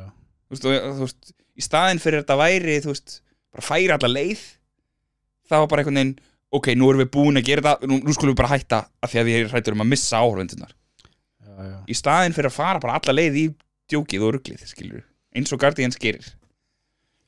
Þeir komið þetta mjög vel í húmórun hjá sér. Mm og ég held líka að eins og með Rocket að það sé verið að spyrja of hverju á þér að vera saman með hennan karakter? -hmm. og, og hvað getur við gert til að láta þið vera sama? Já. eða vera sem sagt, ekki sama. Já, af, af hverju á hann að skipta máli? Of hverju á hann að skipta máli og mér finnst oft vanta í myndir bara bara ef við tölum aftur þessum Rebel Moon þegar vondikallinni kom á tungli bara, veist, of hverju á mér ekki að vera sama um þessa karaktera mm -hmm. veist ef þau deyja þá bara ok Mhm. veist, þá getum við bara að fara að segja ykkur aðra sögu Já. því að það vantar svolítið svona þetta svona atrið sem fólk oft eins og við erum að tala um á hann svona eintóm atriði Mhm. sem er samt bara karaktersköpuna atriði Já. vantar bara svolítið svona Mhm. og bara mörg samskipti í Guardians of the Galaxy hefur ekkert með myndin að gera já, og það er það sem ég veist gera svo mikið veist, þeir geta verið eiga samræður sem hefur ekkert með veist, það sem er að fara að gera en það sýnir bara þeirra stöðu Mhm. gagvart hverjar stöðru og já, já, þú veist Þa, það er líka bara standard í sambandinu milli, milli Starlord og Rocket að þeir séu að rífast. Það, það er rosalega oft sem að það er að gerast. Það er gott, eða þú veist mm -hmm. það virkar ógislega vel og yfirleitt eru þeir að rífast bara um eitthvað svona stúpid hluti eitthvað svona en þú tengir við það því að þú hefur gert það sjálfur. Akkurat sko. Og þess vegna virkar það svo vel. Og, og af því að þú, þú skilur þessa karaktera, þó þeir séu bara að rífast um skiluru um, ég veit það ekki, einhvern jakka eða, eða þú veist að Star, þennan Rocket smíðaði ekki nóg gott, góða grímu fyrir Starlord eða eitthvað Já. skilur, bara eitthvað svona eitthvað svona hluti sem er ekki fyrir plottið þá tengir þú svo vel að þegar að þegar að annar þeirra er í lífsættu að þá er hinn bara nánast bara að brotna saman Já. en þeir eru samt alltaf að, rífa, að rífast Mhm. mm og ég, þetta, þetta er bara svo góð dýnamík það, sérstaklega millir þessar tvekja karaktera sko. og ég held akkurat sko ef þú horfir á það atri og, og, veist, og hugsar já, það er alveg fín mynd en það voru fullt atrið sem er bara að rífast og ég skil ekki veist, það er alveg geta sleppt í er bara að rífast endalist mm -hmm. þá ert þú bara manneska sem hefur ekki átt sískinni já. sem við en þú elskar út af lífinu Mhm. skilur eða, eða veist, vini eða whatever sem þú rífst við en svo bara sættismæður skilur Já. það er bara svona dýnamík sem þú getur tengt við út frá öðru sér samböndu sem þú hefur haft við annað fólk mm -hmm. frekar en bara þannig er allir að labba um skipið og bara tala um hluti sem tengist næsta Mhm. verkefni og, og þú ert ekkert að fá svona man, mannleg samskipti einmitt mér, mér finnst líka bara svo frábært sko uh, eins og þarna á þarna Earth 2 þegar að þegar að Starlord og Rocket og einhverjir fleiri fara í skipið til Gæjans þetta Montakallsins og, og hérna hún á, hvað heitir hún eftir hérna sem að uh, að ég er með fálmarana hérna. Mantis. Mantis og Drax eru basically býða bara. Já, og þau bara eitthvað, við verðum að fara að hjálpa þeim. Þannig að þegar hinn eru að hoppa úr skipinu aftur, þá Já. eru þau komin inn í skipið akkurat. og þú veist það, það bara virkar einhvern veginn. Og þau bara, við erum að bjarga okkur og þau bara, bjarga okkur, við erum löngu komin úr skipinu. Mm og þetta, þetta er bara svo ógeðslega þú veist þessi húmor sem að virkar bara. Uh, það kemur fyrsta fokk í nokkri Marvel mynd í þessari mynd. Þú veist, það er bara einhvern veginn veist, ég sá eitthvað viðtal við, við hann hérna Chris Pratt. Já. það sem hann spurður bara hvernig er að vera fyrstur til að segja fokk Marvel mynd? Og hann bara eitthvað þú veist, það var awesome en, en, akkur er það eitthvað sérstakt? Já, já. en það samt virkaði ógeðslega vel þú veist, Mhm. mér finnst áhugavert að ég sá okkur viðtal við Bradley Cooper. Já. Hann satt aldrei með krúinu. Mm Vist, hann satt bara með lesara á móti sér. Já, hann hittir rauninni Nei. mætir aldrei á tökustað. Og hann okkur talaði um það þannig að í mjög svona tilfinningaríku mómenti það sem hann er að öskra. Maður ekki hvort hann sé öskra á hann að kreatorin eða eitthvað. Mm. að Bradley Cooper akkurat eitthvað. Hann talaði um það að hann er bara gjössalega tengt við al alvöru missi í sínu lífi. Mm og honum fannst alveg af því hann rauninni færi ekki að vera með eða þannig, þú veist, hann nei bara, veist, hann tengdi við missi í sinni fjölskyldu í alvörunni. Já, já, ok, um, já, já. um þegar hann já, þegar hún hérna kanínan er nei, óturinn já, þegar hún deyr. Já, og hann hérna. Hann snappar á gæðin og, og rífur andliti á hann Já. í tætlur og svo rátt og gott er sko. bara ókíslega gott. Þessi mynd bara þú veist ég, ég, hún virkar bara hún virkar á svo stóru og góðu leveli einhvern veginn. Hún þetta er, þetta er örgulega hin myndin á listanum mínum síns á tvisvar árinu. Já, jú, Oppenheimer sá ég líka tvisvar en hún er ekki á listanum.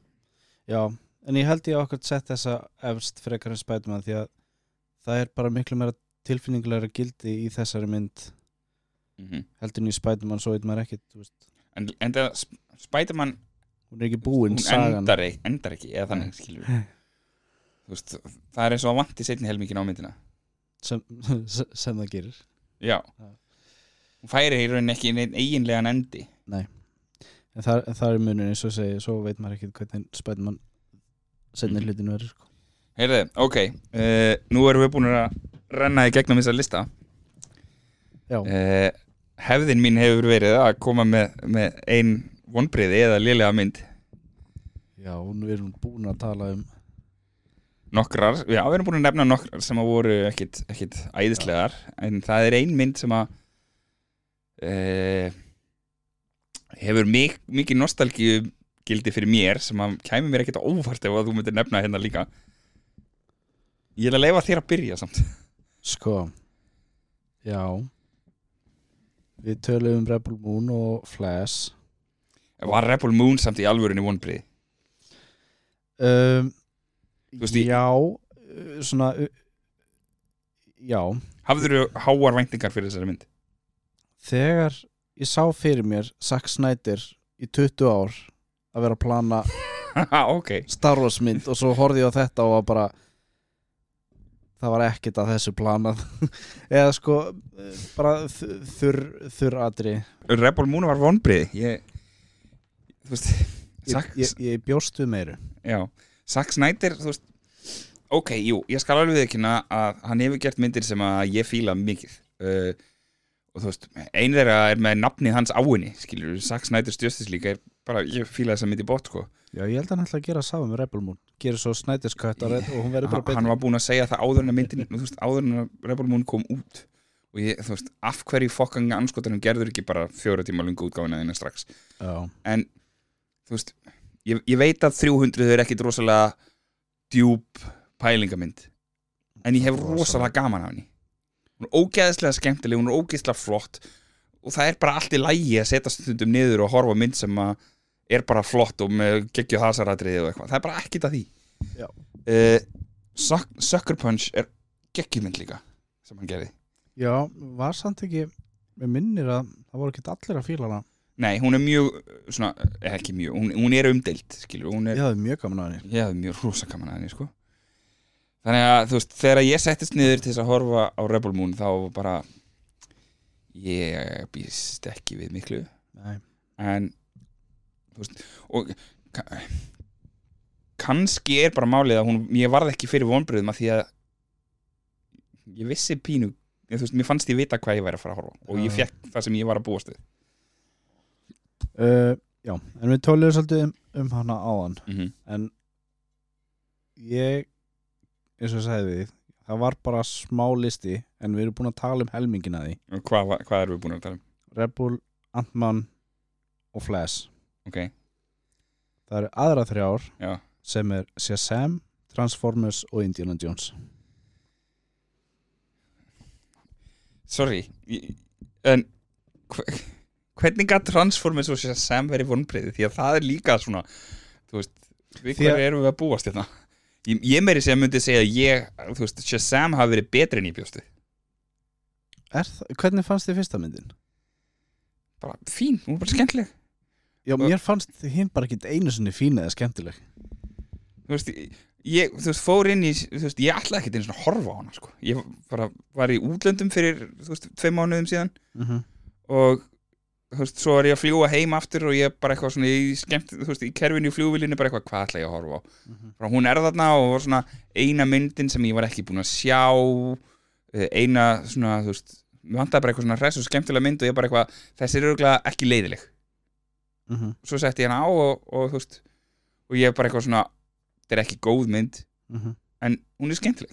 Og þú veist, þegar, myndin var búin þá voru tveir tímar búinir á fluginu sem að, þú veist, skilur Já, hún hendaði mig bara í þeim aðstæðum sem að ég var að horfa á hana í Mér fannst bara að fyrsta myndin var með eitthvað svona ákveðin húmor í huga og, og eiginlega bara mm, kannski pínu svona sama gerist með Ragnarök og svo Love and Thunder Mhm. það fór bara allt og mikið í ykkur átt sem ég var bara svona nei, nú, nú týndur mér alveg sko Já. Uh, það var vonbrið upp á því að liti því mér fannst það bara ekki passa við fyrstu myndina mm -hmm. uh, Transformers er náttúrulega bara svona algjört skemmtarnagildi en Á- mér var bara voða lítið sem ekkert skemmt yfir þessari mynd Nei, það er bara ekki nýtt sko Mér fannst þú hafa þegar ég sá hvað ætti að bætast við Transformer Primal átti að bætast við og ég Mhm. bara eitthvað geggjaður að bæta við þarna nýjum karakterum -hmm. sem voru svo bara lítið sem ekkert og gjössulega useless -hmm. og aðal karakterin bara hræðilegt og eh, bara, já þú veist, í- bara, Já, ég, þú veist Ég fór á þess að myndi bíó og mér leittist ekki í bíóinu. En ég fekk það nákvæmlega það sem ég var að búast við sko. ég, þú veist Ég fekk einhver flottar tölvubrellur. Það er það sem ég var að búast við skilur. En eins og ég segi, ég býstu að ég get allavega haft gaman. Mhm. ég, Og- mér langaði eiginlega bara að slekka á myndinni sko. Já, ég, þú veist, já, já. Ég, ég er svo sem ekki ósamálaður þar ég, Ef ég hefði verið að horfa hana heima þá hefði ég En, þú nefndir eina myndi viðbót. Indiana Jones. Sem að er mín mestu vonbreið á árunni Mhm. En ég held að hún sé efst á þessari upptelningu eh, fyrir utan Flash. Ég fór inn í þessa mynd og var bara eitthvað hún getur ekki verið verri en Crystal- Kingdom of the Crystal Skull. Mhm. Það er sko kannski bara langt sín ég horfði á Kingdom of the Crystal Skull en mér fannst þessi að vera verri. Já, það er líka uh, það er svo mikill partur á byrjunum á myndin sem er er voða lítið sko þú ert að kynna karakter inn í myndina mm. svo konu en þú þú ert samt eiginlega ekki að gera á þann hátt að Þú fer ekki árandan til að líka við hana nei, ég er, og, og skilja hana eða eitthvað sko mm -hmm. hún er allt í hennu bara partur af þessu öllu Mhm. og já, reyndar fyrir þann fyrsta fyrsta atrið, það var mjög skemmtilegt. Það er svo reynum En- Indiana Jones yngri á lestinni. Lestaratriði, já, það er mjög skemmtilegt. Það er mjög skemmtilegt. Ég fílaði líka það er eitthvað svona, eiginlega, svona bílaatriði þar sem þau eru á einhverjum svona tuk-tuk eða eitthvað svona Já. litlum svona móturhjóla bíl einhverjum. Mm það fannst mér ógeðslega skemmtilegt. En bara, en það var ekkit eitthvað það lagaði ekki myndina skilur það var, það var ekki nógu skemmtilegt til, þess að ég kem út úr myndinni brosandi sko. en líka veist ef eitthvað myndi spyrja hvað Indiana Jones snýrst um mm -hmm. veist, um hvað er Indiana Jones hún er um þennan historian gæja Mm -hmm. sem er alltaf eldast við veist, þetta MacGuffin Mm -hmm. eitthvað hlut Já. fyrri parturinn á myndinni snýst bara ekkert um það Nei. Sem allar hína myndirnar hafa allavega snúist um að það er hlutur sem þarf Re reyndar, reyndar er hérna ah, hvað heitir hún aftur hérna? Okkur mann ég þetta ekki? Kannski er bara klukkan orðin og margt og ég er þreytur uh, hérna Temple of Doom. Já, þar eru þau reyndar eiginlega bara föst þarna sko. þau eru ekki, þú veist, þau eru ekki þarna til þess að leita einhverju. En svo breytist myndin í það eftir að þau eru föst að, að þú já, hann veist stór það er hluti samt- að þeirri mynd snýst ekkert um að Harrison Ford sé bara orðin gamall skilur nei, eins og þessi mynd gerir svolítið mikið. Já, og ég sko mér hefði fundist hún tölur betri hefur enda myndina á annan hátt. Já ef, að, ef, ef að karakterinn hann sem að við vorum að segja á þann að þið líkin, þú veist, tekst ekki að láta áraundunum líka við hefði kannski ekki rótað Indiana Jones minnaru já, Já. Veist, þetta hefði verið svo góður endir fyrir hans sögu. Mhm. að bara fá að vera eftir í sögu með svona sögumesta karakter sem hann er grunlega eitthvað ætlalæsað en bara, nei, þú ætlar að koma heim. Þú veist, það er líka eitthvað sérstakt við það að þú kynnir til söguna nýjan karakter sem eru aldrei komið áður. Mm -hmm. og myndin er eitthvað svona að reyna að fá þau til að líka vel við hana og það tekst illa og, og þú veist, þú veist aldrei hvort, hvort þú, í hvaða liði hún er hún er einhvern veginn alltaf að skipta um lið. Já, og þú, veist, þú, þú heldur með Indiana Jones, þú veist, sem er titilkarakter myndarinnar. Mhm. mögulega ekki aðalkarakterinn samt. Ég, veist, það má alveg deilum það. Uh, og þau koma á einhvern punkt þar sem að hann titilkarakter myndarinnar þarf að taka ákvörðun vil ég þetta eða vil ég þetta í lífinu mínu núna? Og hún tekur bara þá ákvörðun af honum. Já. hún bara eitthvað, neip, þú mátt ekki velja. Ég ætla að velja fyrir þig.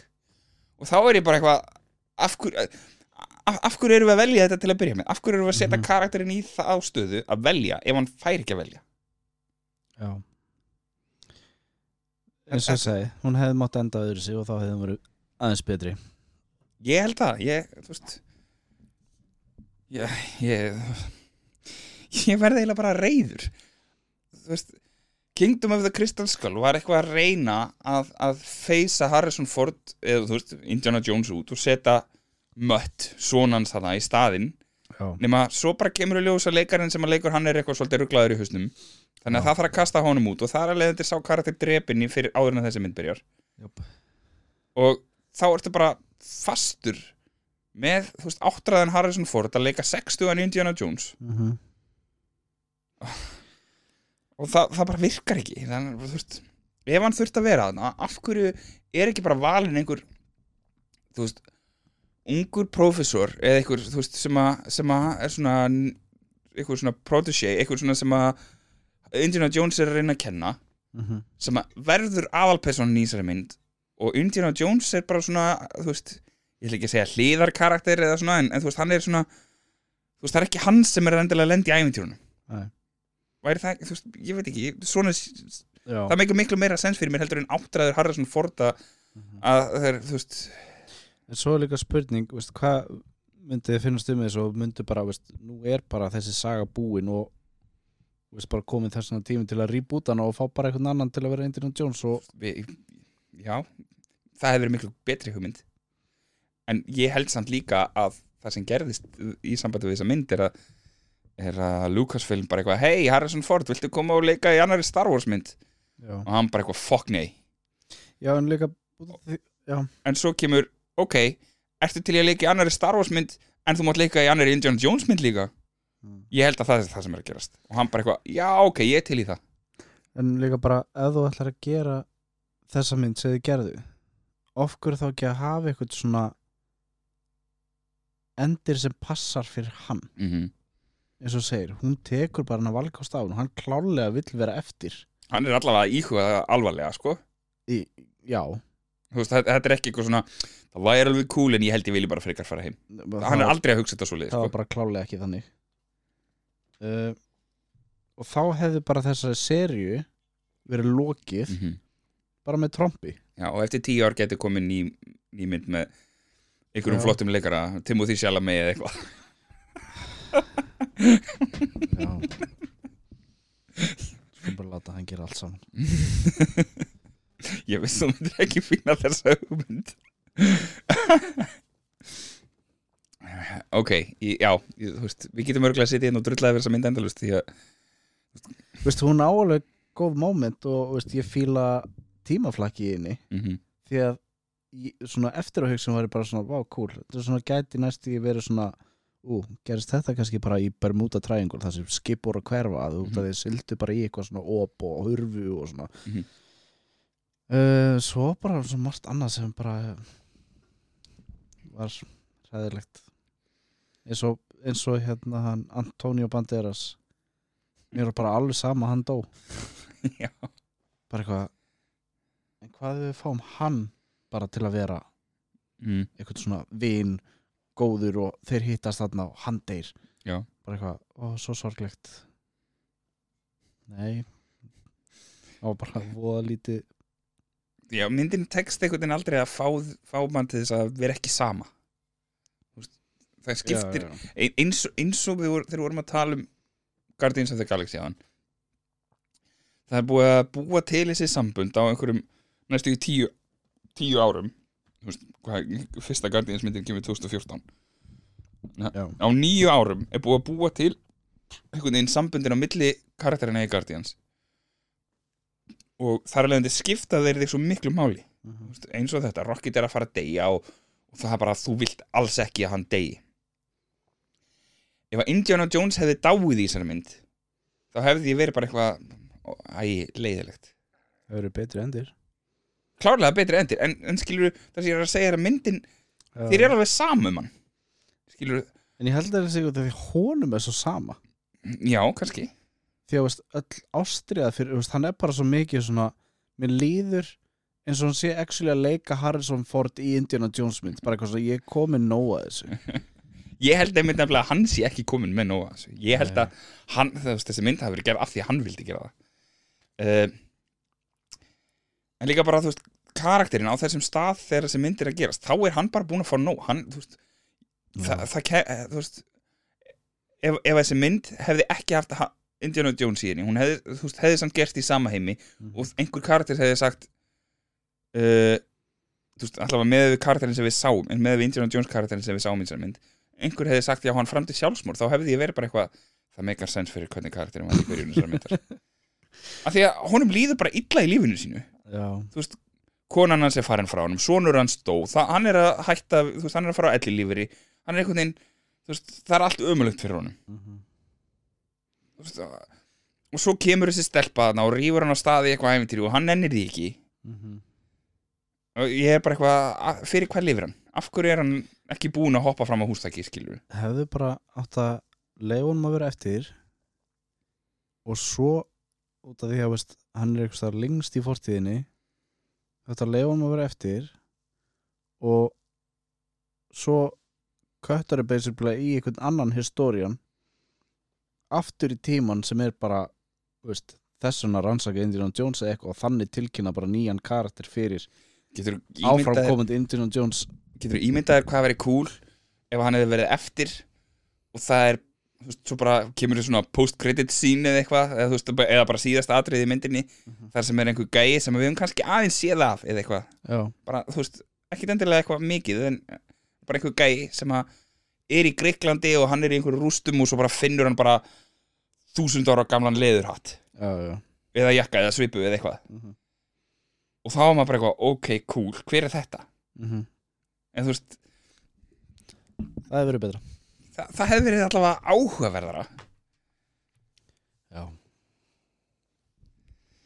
allavega. Hana uh, þetta var voru okkar tíu bestu myndir ásins og, og þú veist nokkrar sem voru vonbreiði já. uh, nú skulum við nú skulum við fara og kíkja á það sem að er spennandi framöndan áður en að við verðum hérna í, í 5. klukkutíman eða eitthvað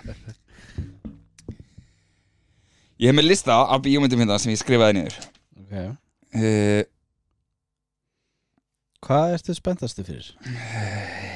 Sko, það er rosalega auðvelt að svara Dune 2 Já, ok sem átti að koma árið 2023 og hefði með það, veist, það sem fólk er að segja um hana hún náttúrulega hverki komin út og neitt þannig að það er svona erfitt að dæma einhverja gaggrinni sem er að koma núna en, en fólk er að tala um að þetta sé veist, myndin sem að veist, hinn hinn kom út til þess að hægt væri að gera þessa mynd. Já, að fyrsta myndin er pínu svona build-up mynd, sko. Mm. uh, þú veist, það er líka bara kastið í þessari mynd er ógislega flott. Það er, veist, það er Timothy Chalamet. Það er, uh, hérna hvað heitir hann sem að var að leika Elvis hérna, Já, já. Austin Butler. Já. uh, það er líka gæ- stelpan sem að ah, ég, ég er ræðilegu með nöfn núna. Sem að er að leika sýstrinnar Black Widow. Já, maður ekki hann heitir. Nei, og svo já, allir sem ég man eftir. Uh, Er heitir ekki Florence Pugh? Jú, Florence Pugh, já, Já. Eh, Og svo var einhver einn sem að Jason Momoa verður aftur í henni Zendaya er náttúrulega auðvitað. Já. Josh Brolin er aftur, Florence Pugh, Austin Butler Dave Bautista er aftur. Mhm. Christopher Walken, það er það sem ég var að reyna með. Veist, Þetta er svaka kast. Og svo hérna Þú ert með listan að uppi og séru Barry Keoghan. Já, sem að, sem er, í, er Oliver í Saltburn. Já, akkurat og fer stöðla vel með Eh, Já, ég er mjög spenntið fyrir Dune 2 Ég meiri segja sko þessi utanlandsferð sem ég var að tala um ég hefði farið í þegar ég horfði á Shazam Mhm. uh, Upprunalega var hún far skipulögð á þessum tíma sem ég fór í hana til þess að sjá Dune 2 erlendis sko. En svo var henni frestað út af verkvöldum og eitthvað. Uh, Ég er mjög spenntið fyrir Dune 2 uh, auðvitað Spider-Man Beyond the Spider-Verse.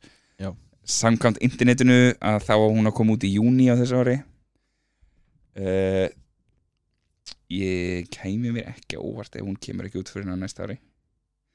Því að allavega með við það sem var í umræðina sem var í gangi þegar að, að Cross the Spider-Verse kom mm. að þá var ekki byrjað að veist, engin vinna við myndina búin til sko, þá er, veist, þá er ári í hana. Já, já, svo komu verkvöld já. þannig að það kemur ekkert á óvart ef að Beyond the Spider-Verse kemur ekki út en, en sjáum til uh, Mickey 17, þú búin að heyra um hana? Mickey 17 Nei. uh, það er mynd eftir Bong Joon-ho sem gerði gerði hérna uh, Parasite. Mm og fucking nöfn maður. Uh, The Batman. Robert Pattinson. Robert Pattinson er að leika í bara þetta, þessi tvö nöfn saman hljómar bara mjög áhugavert. Ok, uh, Deadpool 3 spennt fyrir henni. Eina MCU myndin sem er að koma út á næsta ári. Þeir eru búin að fresta öllu öðru.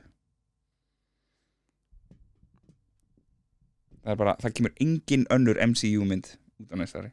En Craven, þess, þess ári, fyrir ekki. En Craven. það er Sony mynd, ekki MCU Já, já, já. En ég er spennt fyrir henni líka. Já, ég, sko Sony Spider Sony Spider-Verse myndir mm -hmm. Craven er svona Spider-Man villain. Já. Uh, Sony Spider-Verse myndir hafa einhvern veginn ekki náð mér. Ég veit ekki, þú veist. Ég, ég er alveg spennt fyrir Venom 3 því að ég hef bara haft gaman að þeim. Það er ekki leiðilegar. Uh, There Will Be Carnage eða hvað hann heitir mm. -hmm. Venom 2 var næstuði leiðileg. Ég veit ekki, ég veit ekki hvað málið er ég bara, þú veist, ég, hausin á mér var bara ekki í henni, sko. Mann bara ekki nógu vel eftir henni sko. Nei. Uh, Svo er Madame Web líka. Já, með við trailerina þá er ég ekki spenntur. Ok. En ég veist, lítið um hann sko. en ég er tilbúin að hún kom mér óvart sko. ég er mjög spenntur fyrir því að, að fara í bíó og vera bara eitthvað, oh my god, þetta er geggjumynd uh, fleiri framhöld Joker Foil og Dua eða hvernig sem maður á að bera þetta fram. Joker Já. 2 hún ná að koma í oktober á þessu ári spennt fyrir henni. Já, líka af því að þú veist, Harley Quinn er í henni og Lady Gaga er að leika hana og mjög spennt fyrir því. Já, hún líka sko ástæðan fyrir að Lady Gaga er hana er að því að uh, þetta verður söngleikur sko. Myndin eða hennar karakter? Mm, Ég veit það ekki. Já, en, þú veist, þegar, að, þegar þú veist, þeir segja að þetta verður söngleikur þá veit ég ekki hvort að það er bara hennar karakter sem er að syngja eða, eða einhver atrið kringum hana. Já, af því að veist, ekki það, ég held að Joaquin, Joaquin, hvernig sem maður segir þetta geti alveg örglega sungið og gert það vel, skilur Mhm. uh, en af því að þú veist, fyrirmyndin er svo mikið um þú veist, hvað hann er rugglaður í haustnum og það er þú veist, svona ímislegt í ruggli í, í hans engalífi Mhm. að það gæti alveg verið ógeðslega cool ef að Joker 2 gerist að stórum hluta í haustnum á Harley Quinn og þess vegna er þetta söngleikur sko. já. það gæti verið mjög cool um, Knives Out 3 Já. það er eitthvað til að vera mjög spenntið fyrir. Ryan Johnson náttúrulega er þú veist hataðist maður í, í, á jörðinni eftir Star Wars sko. En svo bara ok fuck it. Fyrst að fólk hataði The Last Jedi þá bara ger ég mitt eigið stöf og fór að gera Knives Out. Og Knives Out 1 og 2 eru bara geggjaðar myndir. Mjög góðar. Uh, Drive Away Dolls. Ég veit svo sem ekkert um hvað þessa myndir myndi er en, en þetta er annar af Coen bræðunum sem gerði far, gerði Fargo til dæmis. Já, og No Country for Old Men með, Mhm. hérna, með Javier Bardem það sem að, það var ekki Javier Bardem það, það sem hann var að drepa fólk með kindabissu og eitthvað. Uh, Megalopolis uh, sem að er ég veit voða lítið um þessa mynd en, en Francis Ford Coppola sem getur Godfather og, og hérna hvað heitir hún aftur þarna Vietnam stríðismyndin hans sem ég man ekki, hvað heitir akkurat Apocalypse Now heitir hún.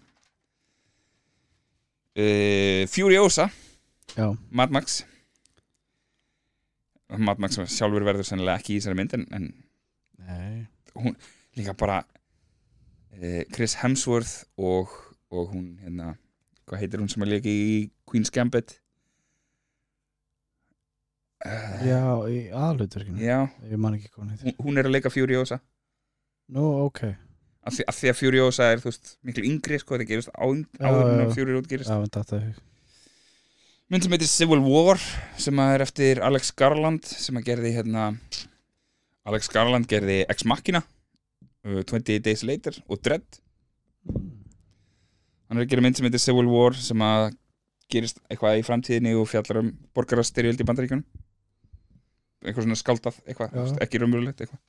Getur áhugavert. Já, ég, þú veist Alex Garland er líka bara áhugaverið leikstjóri sko. hann svona þú veist, Annihilation sástu hana, það er Netflix mynd? Já, hann gerði hana líka.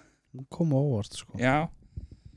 Með, með hérna uh, Natalie Portman í aðalhuturki og Jennifer Jason Leigh og Mhm. tsk, hvað meira? Argyle Glad- já.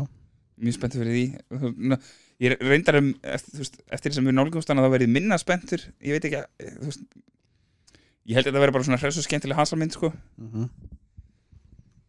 en æ, þetta er eitthvað svona veist, einhver stelpa eða einhver kona sem er að skrifa svona njósnara bækur einhverjar og svo allt í eru karakterar og bókin hennar allt farnir að byrtast í líf hennar og það verður eitthvað svona James Bond hasaræfintýri sem að Já, já, já. með karakterum úr bók, bókin hennar og hún, bara allt í eru karakterarnir til í alvörinni sko. The Fall Guy með Ryan Gosling. Já, hann spenntur fyrir henni, hún lítur úkislega vel út. Talandi um góða teiknumyndir Inside Out 2 já, ég er mjög spenntur fyrir veist, hvert hún fer sko. Já.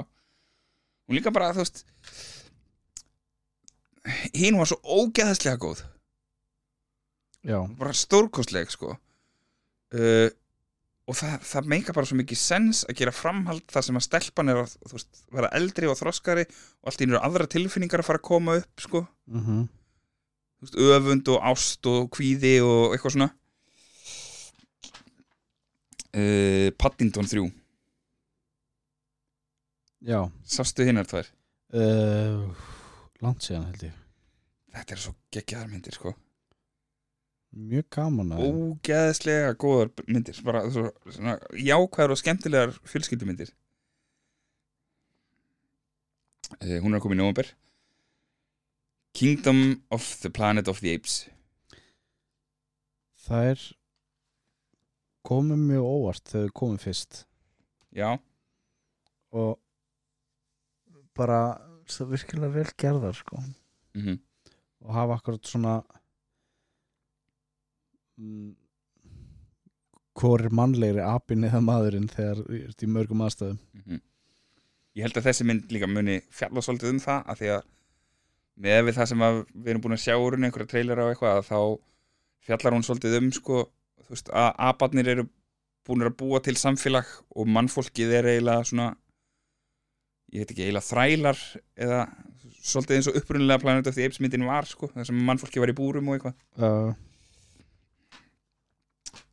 Gladiator 2 Já, ég ég spenntur að sjá.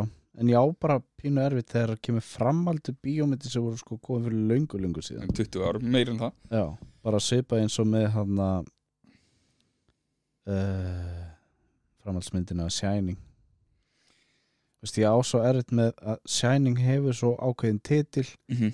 svo kemur framhaldsmynd og maður svona veist, hvert ætlar að fara með þetta Mhm. þar stundum svona að passa veist, ætlar þetta aldrei að fara að eyðileggja Shining skilur Já. en bara já, Það er líka sko uh, þú veist, Gladiator er svona mynd sem að gerist veist, ákveðnum stað, í ákveðnum aðstæðum og það eru ákveðnir hópar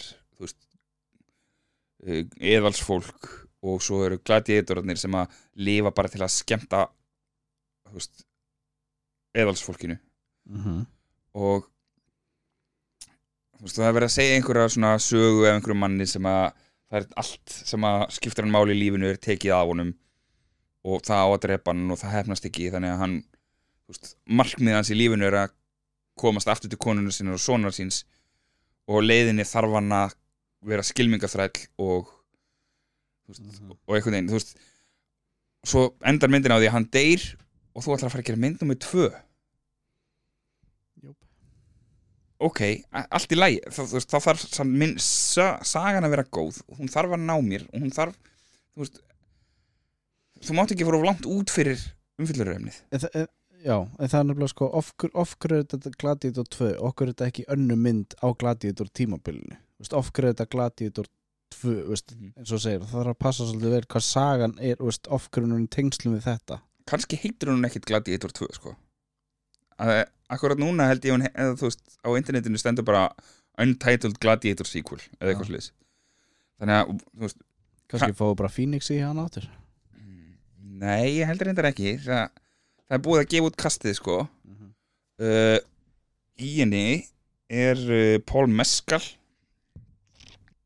Sko, hefur ekkit leikið í neinum svona stórum þekktum myndum nema, þú veist, hann er rosa mikið í svona indie svona minni minna þekktum myndum. Já, uh, en svo er líka bara aðrir veist, önnur stór nöfni í þessari mynd í staðinn sko, það er en hann var í fyrstu myndinni. karakterinn hans já, ekki, ekki leikarinn. Já, já, svoleiðis. Uh, karakterinn hans er strákurinn, þú veist, sonur hennar. Manstu, það er strákur hann sem að er er hérna uh, sonur uh, hennar, hvað heitir hún, Lucia eða eitthvað, ég það ekki. Já, uh, þetta er hann sem sagt. Þetta er litli strákurinn og já. þetta er sá karakter. Uh, en svo er Denzel Washington í þessari mynd. Uh, Pedro Pascal. Fred Hurchinger sem er búin að gera yfirslegt hann er í kreifin til dæmis aðalhutur ekki nei ekki Aaron nei. Taylor Johnson er ekki að Uh, þannig að þú veist, það er svona veist, áhugaverði leikarar í þessari mynd. Og ef þessi mynd uh, heitir í alvörunni Gladiator 2 Mhm. en hún fjallar ekki um Gladiatora. Hlýtur að fjalla um Gladiator aðalpersonan er bókstaflega þú veist, erfingi keisaraveldi sinn sko þannig að þú veist e- eins og ég segi, hún heitir akkurat núna Untitled Gladiator sequel. Þannig að Já. ef hún fjallar ekki um Gladiatora þá vil ég að hún heiti bara eitthvað annað og gerist bara í þessum heimi. En það er akkurat það sem ég segja eh, veist, þá mætti þetta bara vera eitthvað ekki tengt Gladiator fyrstu myndinni. Já, hún, ja, hún er, er tengd henni sko, það er alveg ég er að segja, en veist, þá þarf svo mikið að passa hvernig sagan veist, ef þið tengjast ekkert, þá sé ekki pointin nema að það sé bara svo að þú farir í bíó á hana. Mm Eini leikarin uh, sem að leka í hinni myndinni og er að koma aftur er Connie Nielsen sem að lek þú veist hérna, Lucille þú veist. Ekki Þa, það er þú veist konan í myndinni Já, já, já, já, það er, er eini, eini, eini sem er að koma aftur sko. Hin, Ok. hinn eru allir uh, að leika nýja karaktera eða uh, já, basically allir eru að leika nýja karaktera sko. E eða, eða áhugavert ríkastæðir eins og aðalpersonan strákurinn já. Lucius. Uh, Gladiator 2 hvað er hérna A Quiet Place, Day One. Já, uh, eitthvað svona prequel af Quiet Place seríunni. Ég er alveg spenntur að sjá það, sko. Já, þetta er reyndar fyrsta myndin sem að John Krasinski er ekki að leikstýra. Já, ég veit ekki hvort það er gott eða slæmt sko. er Nei, Ka kannski er það gott það getur vel verið að það sé bara jákvæmt að hann sé ekki að... Hann er að gefa út mynd hins vegar á, á þessu ári held ég á þessu ári. Hann er mynd sem hann er leikstýra sem Ryan Reynolds er að leika í. Uh, hún heitir hún heitir hérna If IF uh, og fjallar um þetta er basically fullorðinsmynd um ímyndaða vini.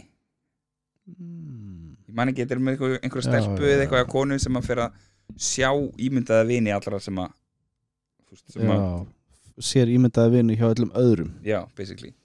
Mm. Já, sem hafa verið skildin eftir.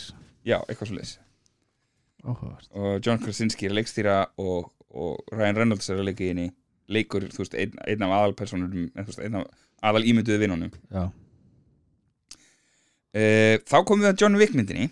Ballerina heitir hún. Já, ég veit ekkert um þessa mynd, það eina sem ég veit er hún gerist í, í John Wick heiminum.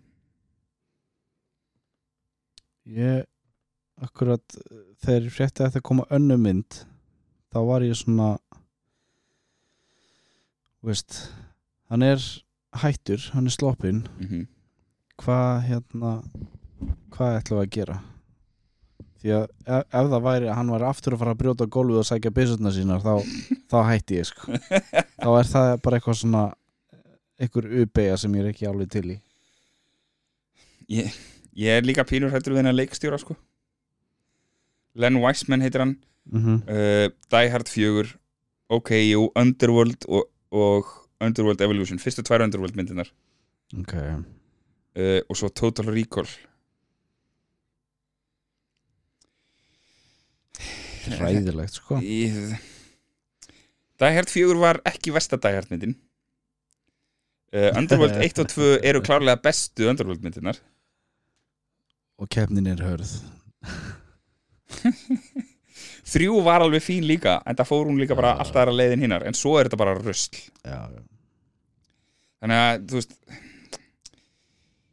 við hverju á maður að búast að þessari mynd það er svona Ég veit ekki. meina, ef, ef stór leikstjórar geta alveg gert lélega myndir þá geta lélega leikstjórar eða kannski ekki Vonandi. lélegir. vonandi geta þær það, já. Vonandi geta svona minna þekktir og svona algjörlega.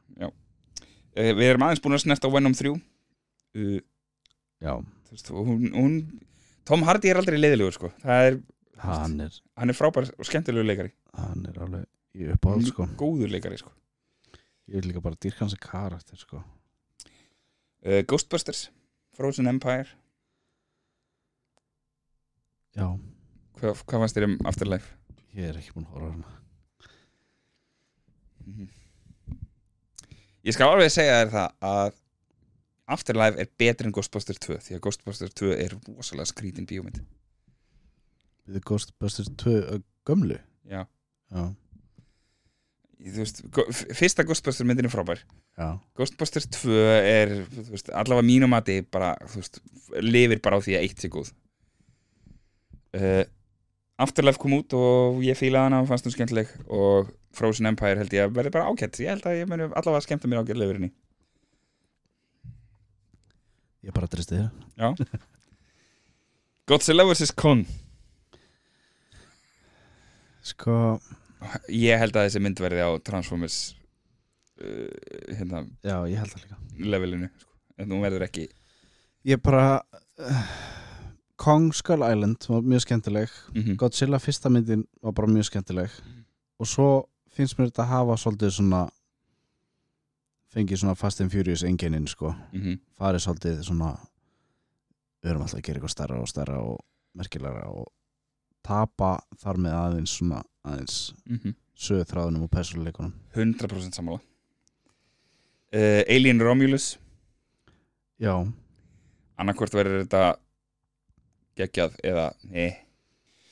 Já uh, þú veist, Alien Romulus ég, þetta verður mynd sem er framlýtt á Disney eða þú veist ekki kannski beint Disney en, en þú veist cent, eh, 20th Century Studios í gegnum Disney eða, þú veist, já, fra, framlýtt af Disney í gegnum 20th Century Studios. Mhm. þannig að sjáum til, ég, veist, kannski er þetta geggjum mynd, ég veit það ekki.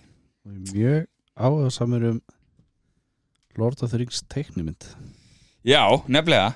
Lord of the Rings War, for, War of the Rohirrim mm -hmm. það er eitthvað.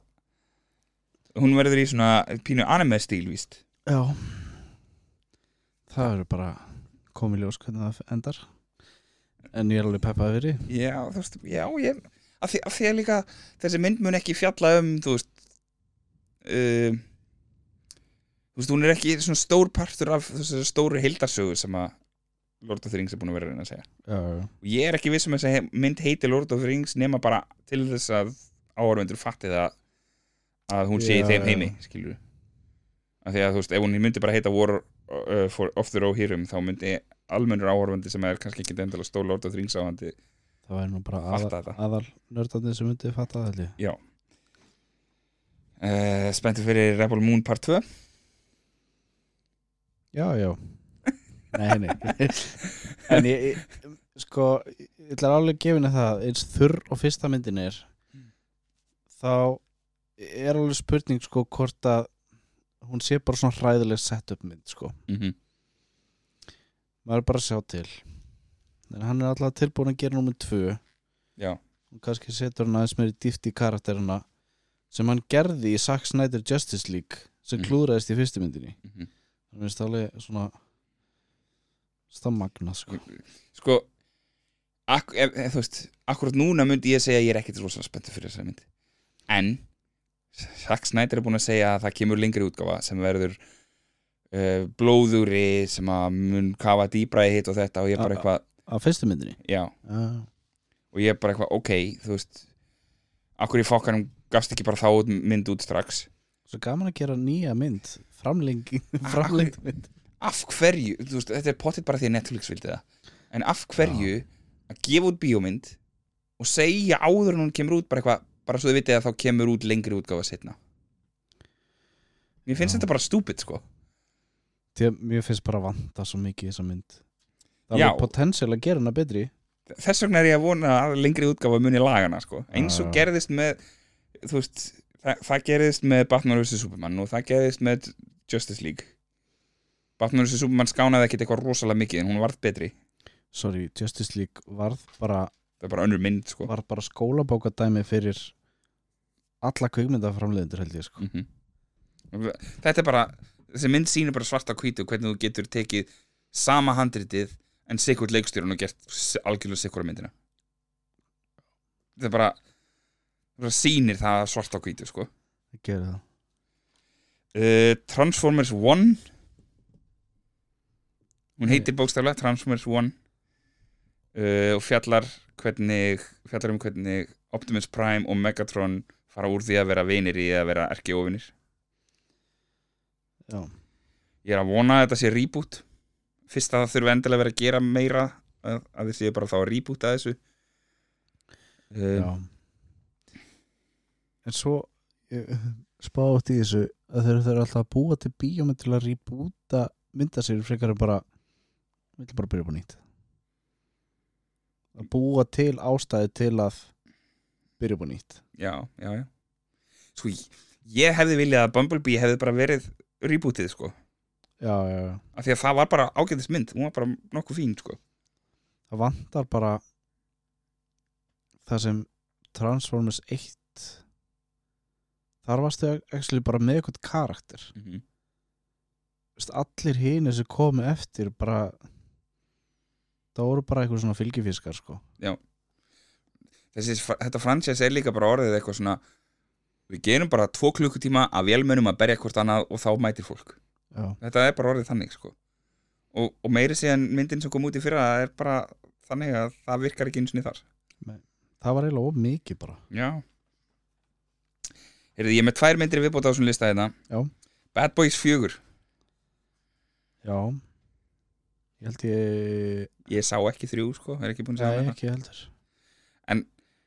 Ég, ég skil ekki alveg sko, hún heitir sko Bad Boys for Life. Já.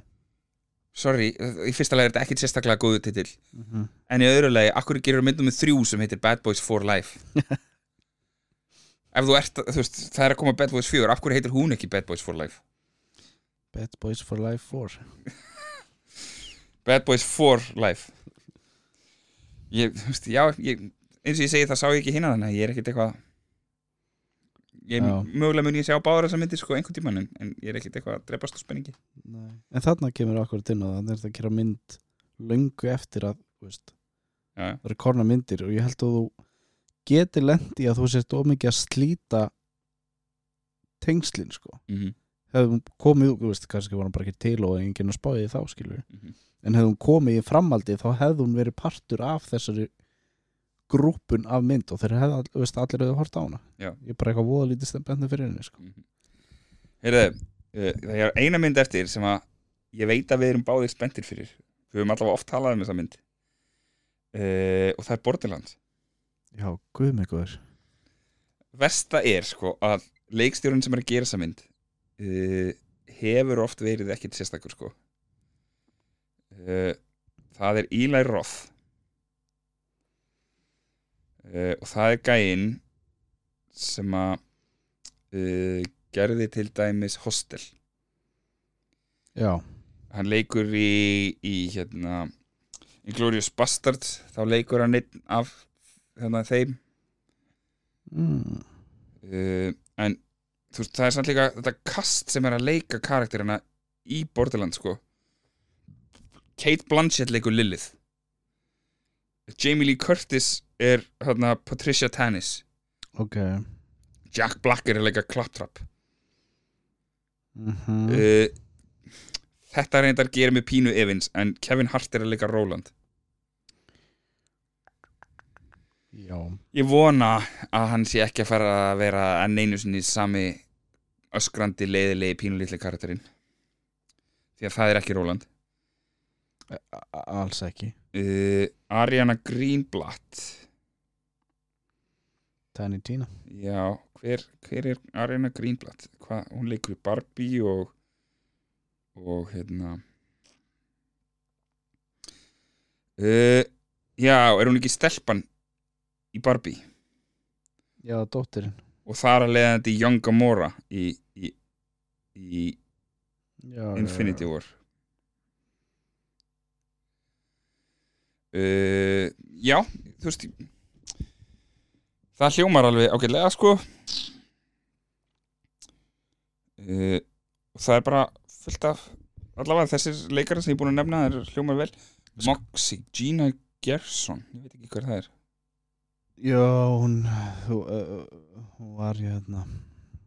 Það er í Face Off og já, hún líka hérna í uh, hvað heitir. Ég veit ekki. Allavega segja nóttaðar svona akkurat eldri svolítið eldri myndum.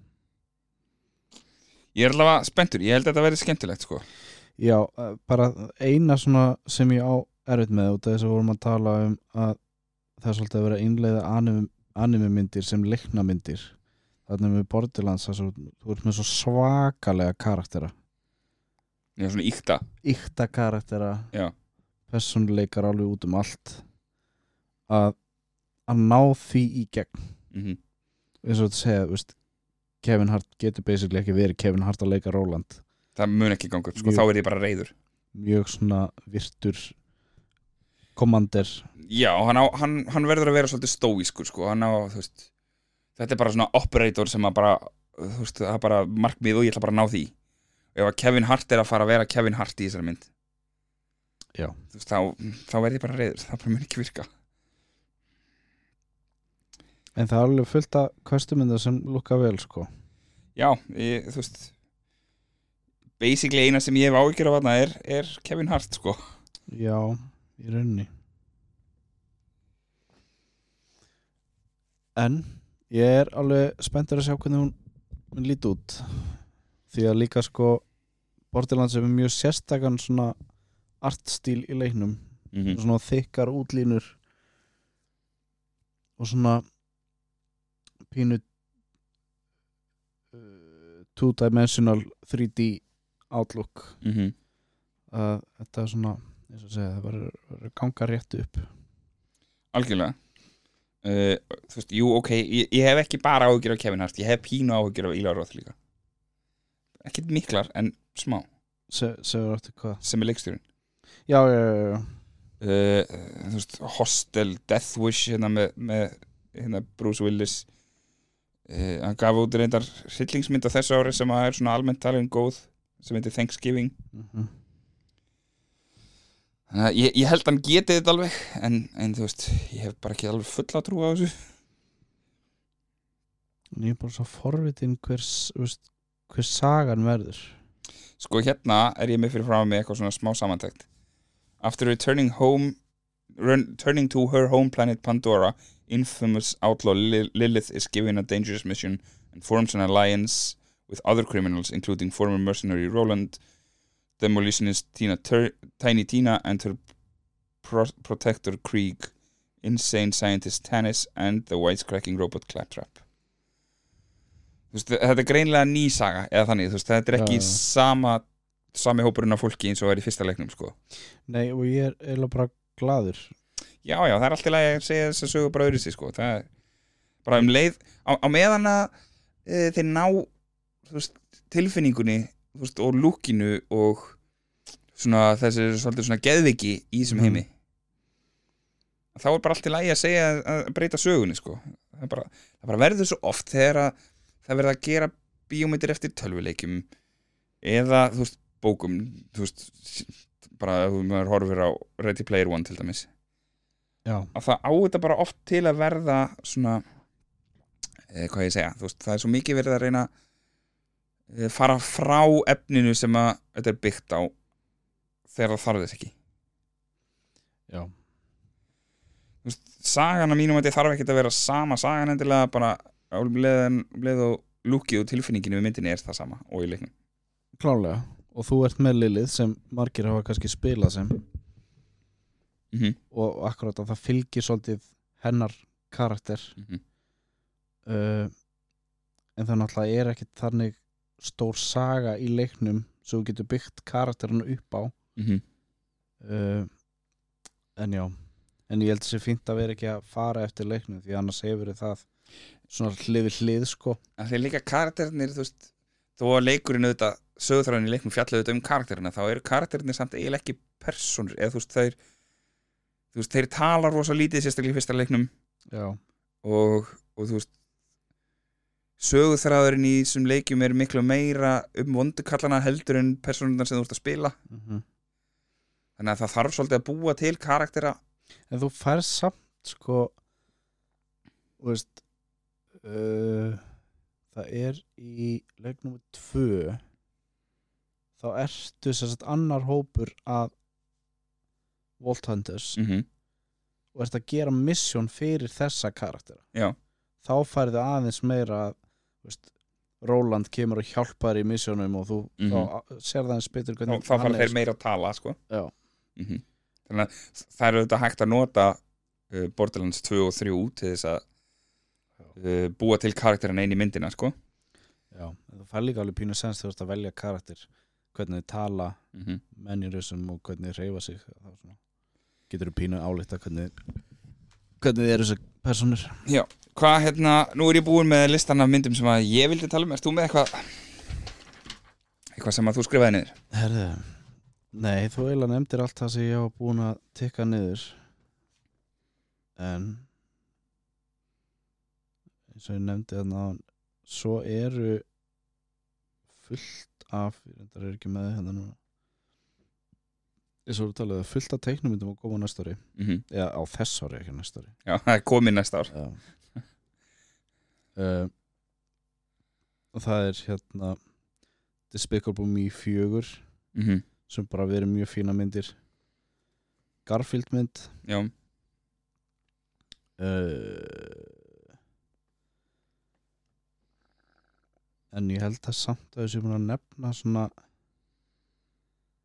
er ekki að koma Kung Fu Panda líka? Er jú Kung Fu Panda 4 það er líka myndir sem hafa verið bara mjög gott skemmtunarkildi mjög skemmtilegt sko.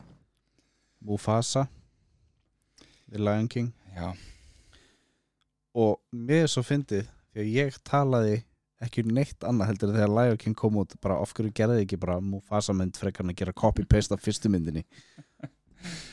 Já. Þannig að það er mjög forvitin hvernig hérna, þessi mynd verður. Mm en svo, já, Sonic ég er búin að sjá hvoru að Sonic myndina. Uh, krakkarnir mínu elska þessar myndir. Já, það, já. Þannig að ég þú kemst ekki upp með annað en að, en að sjá það. Sko, en þú myndir kannski hvað sem er horfa á það. Ég sitt samt eiginlega ekki yfir að horfa ég bara svona sér brot og brot og svo púslast þetta saman í haustum á mér sem ein mynd einhvern veginn. Já, en já, erum við bara búin með þetta? Við, er, er þetta allt komið það held ég allt sem að ég puntaði niður er búið sko. gróðum dráttum sko. Heru, takk fyrir komuna. Þetta búið að vera ógislega gaman og, og ógislega lengi. Þetta verða pottið tveir þættir. Við erum búin að vera sko í að nálgast 5 klukkutíma. Að kósi fimm tímar. Já, þetta er ekki búið að vera leiðilegt sko. Alls ekki. Uh, alright, takk fyrir komuna og við bara sjáumst þér takk fyrir mig